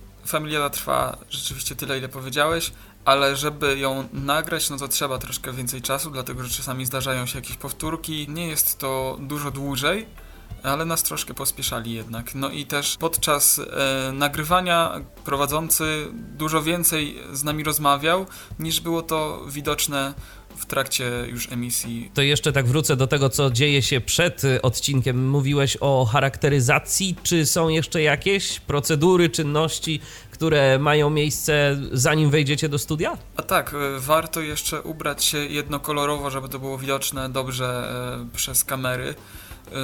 Ale my to też mieliśmy właśnie okolicznościowe koszulki na ten odcinek i nie pamiętam jak, jakiego koloru. Niestety nie mogę sprawdzić, no bo nie widzę. No jasne. No dobrze, to wchodzicie do studia. Czy miałeś okazję obejrzeć sobie w ogóle, jak y, jest y, zorganizowane studio Familiady? Jakieś charakterystyczne dekoracje, czy nie było na to czasu? Nie pamiętam, żeby były jakieś duże dekoracje. Jest po prostu e, kilka rzędów e, z publicznością. O tym właśnie nie powiedziałem jeszcze, że można sobie osoby na publiczność zaprosić. A jeśli takich osób nie zaprosimy, no to są statyści, ale to jak wszędzie. Są też dwa takie pulpity dla każdej z drużyn po, jedny, po jednym i musieliśmy się przygotować e, tak, żeby znać drogę od pulpitu do przycisku, przy którym odpowiada się w trakcie programu. Mm, dość zabawna sytuacja wyniknęła, że byliśmy raz ustawieni po jednej stronie, nauczyliśmy się trasy, potem przestawili, zmienili nam e, ułożenie drużyn i musieliśmy się uczyć drogi od drugiego pulpitu do drugiego przycisku. Ale to troszkę, troszkę rzeczywiście wtedy wydłużyło proces produkcji, ale nie wpłynęło już potem na program znacząco. No właśnie, te słynne przyciski, jak to wygląda? Tak, tak. To jest duże, małe, wyczuwalne, łatwo, łatwo w to trafić, czy są jakieś problemy? Łatwo w to trafić. To, o ile teraz sobie przypominam, bo to już było rok temu. No właśnie, dziś to rocznica, takie... tak na marginesie, tak? tak? Nagrania. właśnie, tak, właśnie, tak, tak, tak. Dzisiaj jest rocznica nagrania i bardzo, bardzo dobrze się złożyło, że tak, że akurat w tym czasie jest ta audycja. E, są to takie po prostu słupki, czy jakby to nazwać, przyciski po prostu, w które trzeba, e, obok których kładzie się rękę, a jeśli jest czytane pytanie, no to e, można w ten przycisk uderzyć. Żeby były równe szanse, to trzyma się rękę obok przycisku, a nie na nim kiedy naciska się ten przycisk, to pojawia się taki charakterystyczny dźwięk. Y, czy on jest jakoś dogrywany y, w postprodukcji, czy te wszystkie dźwięki, które tam słyszymy, te y, w momencie, kiedy pojawi się prawidłowa odpowiedź, kiedy pojawi się zła odpowiedź, to wszystko słyszycie w czasie rzeczywistym, czy nie? Na szczęście słyszymy. Dlatego mówię, że na szczęście, bo brakowałoby tego jeśli, cho jeśli chodzi o mnie, tak jak innym brakowało suchara na początku programu, bo wszyscy się pytali przed emisją, ale po nagraniu, po pierwsze, czy wygraliśmy, czego nie mogliśmy powiedzieć do momentu wyemitowania programu, a po drugie właśnie, czy, czy te dźwięki są e, słyszalne. To dużo osób się o to pytało. Czyli jedyne co to nie ma suchara, tak? To jest dogrywane jakoś tak, wcześniej. No, suchar jest dogrywany, chociaż u nas, u nas był trochę wyjątek, dlatego że w drużynie, w drużynie niewidomych startował Remek Roczeń, który zaśpiewał na początek e, kawałek e, jednego z utworów Rozumiem. Rozumiem. żeby wprowadzić w klimat. Czy są jeszcze jakieś różnice między tym, co my widzimy zawsze w programie Familiada, y, a tym, z czym wy macie do czynienia tam nagrywając to w studiu? Myślę, że poza krótszymi wypowiedziami prowadzącego, jak i zawodników nie ma różnic. A ty miałeś okazję posłuchać sobie muzyki w kąciku muzycznym, czy, czy nie? Czy nie brałeś udziału w finale? To na mnie nie padło. Nie padło. Niestety nie byłem w finale, ale udzieliłem jednej z ostatnich odpowiedzi i na szczęście prawidłowej. Także mogliśmy dostać się do finału. No to gratulacje. Aha, jeszcze nie powiedziałem o tym, że udało nam się jako niewidomym ograć grupę widzących żeglarzy do zera, także nie wiem, czy tak się często zdarza w Familiadzie. I to nie było ustawione. Powiedzieć. Nie, nie, nie, tam, tam nie ma, nie ma takich, e, takich ustawek. Y, Jasne. A y, powiedz mi właśnie, jeżeli chodzi o te pytania i to wszystko, no czas jest gdzieś tam powiedzmy wydłużony w trakcie nagrywania. To nie jest tak, że to się dzieje w czasie rzeczywistym. Czyli w rzeczywistości, kiedy to wszystko jest nagrywane, to masz tak naprawdę trochę więcej czasu na to, żeby się zastanowić, tak? Potem to jest jakoś tak y, no siłą rzeczy skracane, więc możesz się zastanowić nad odpowiedziami. Tak, bo pytania, tak, rzeczywiście tak jest, bo no pytanie znasz już na jakie, na jakie możesz odpowiedzieć, e, musisz odpowiedzieć, ale jeśli ktoś na przykład, jeśli wymyślisz sobie jakąś odpowiedź, a ktoś e, z osób stojących przed tobą e, właśnie tej odpowiedzi udzieli, no to mimo wszystko musisz sobie wymyślić następną odpowiedź, co czasami jest bardzo e, stresujące i trudne w e, takich warunkach e, szybkich. A jakie są jeszcze takie twoje ogólne wrażenia, jeżeli chodzi o Familiadę, o ten teleturniej? Chciałbyś wrócić, jeszcze zagrać, czy może tyle Jak wystarczy? najbardziej.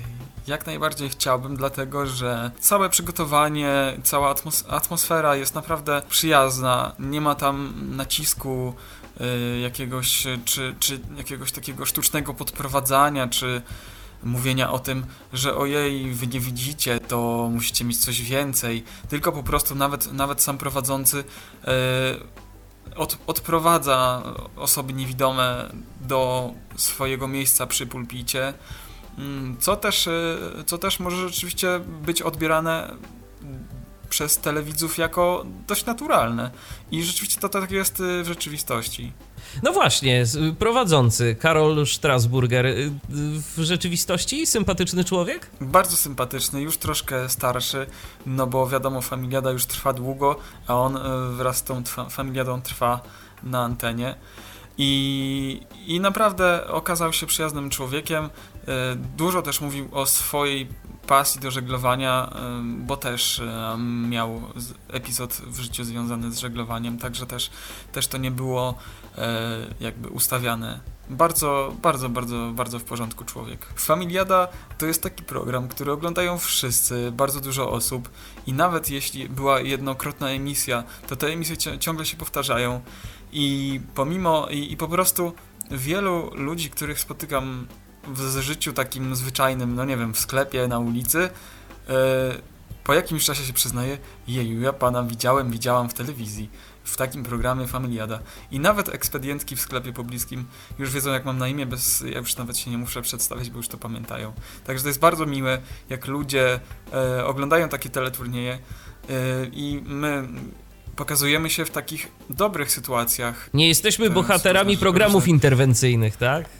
No na przykład tak, nie jesteśmy bohaterami programów interwencyjnych, tylko po prostu bierzemy udział e, w jakimś teleturnieju, swoją wiedzą, swoim sprytem zdobywamy jakieś nagrody, mm, no i też w dobrych celach, bo to akurat nie było dla siebie, tylko dla fundacji. Czyli co, można powiedzieć tak trochę, że Familiada szansą na sukces.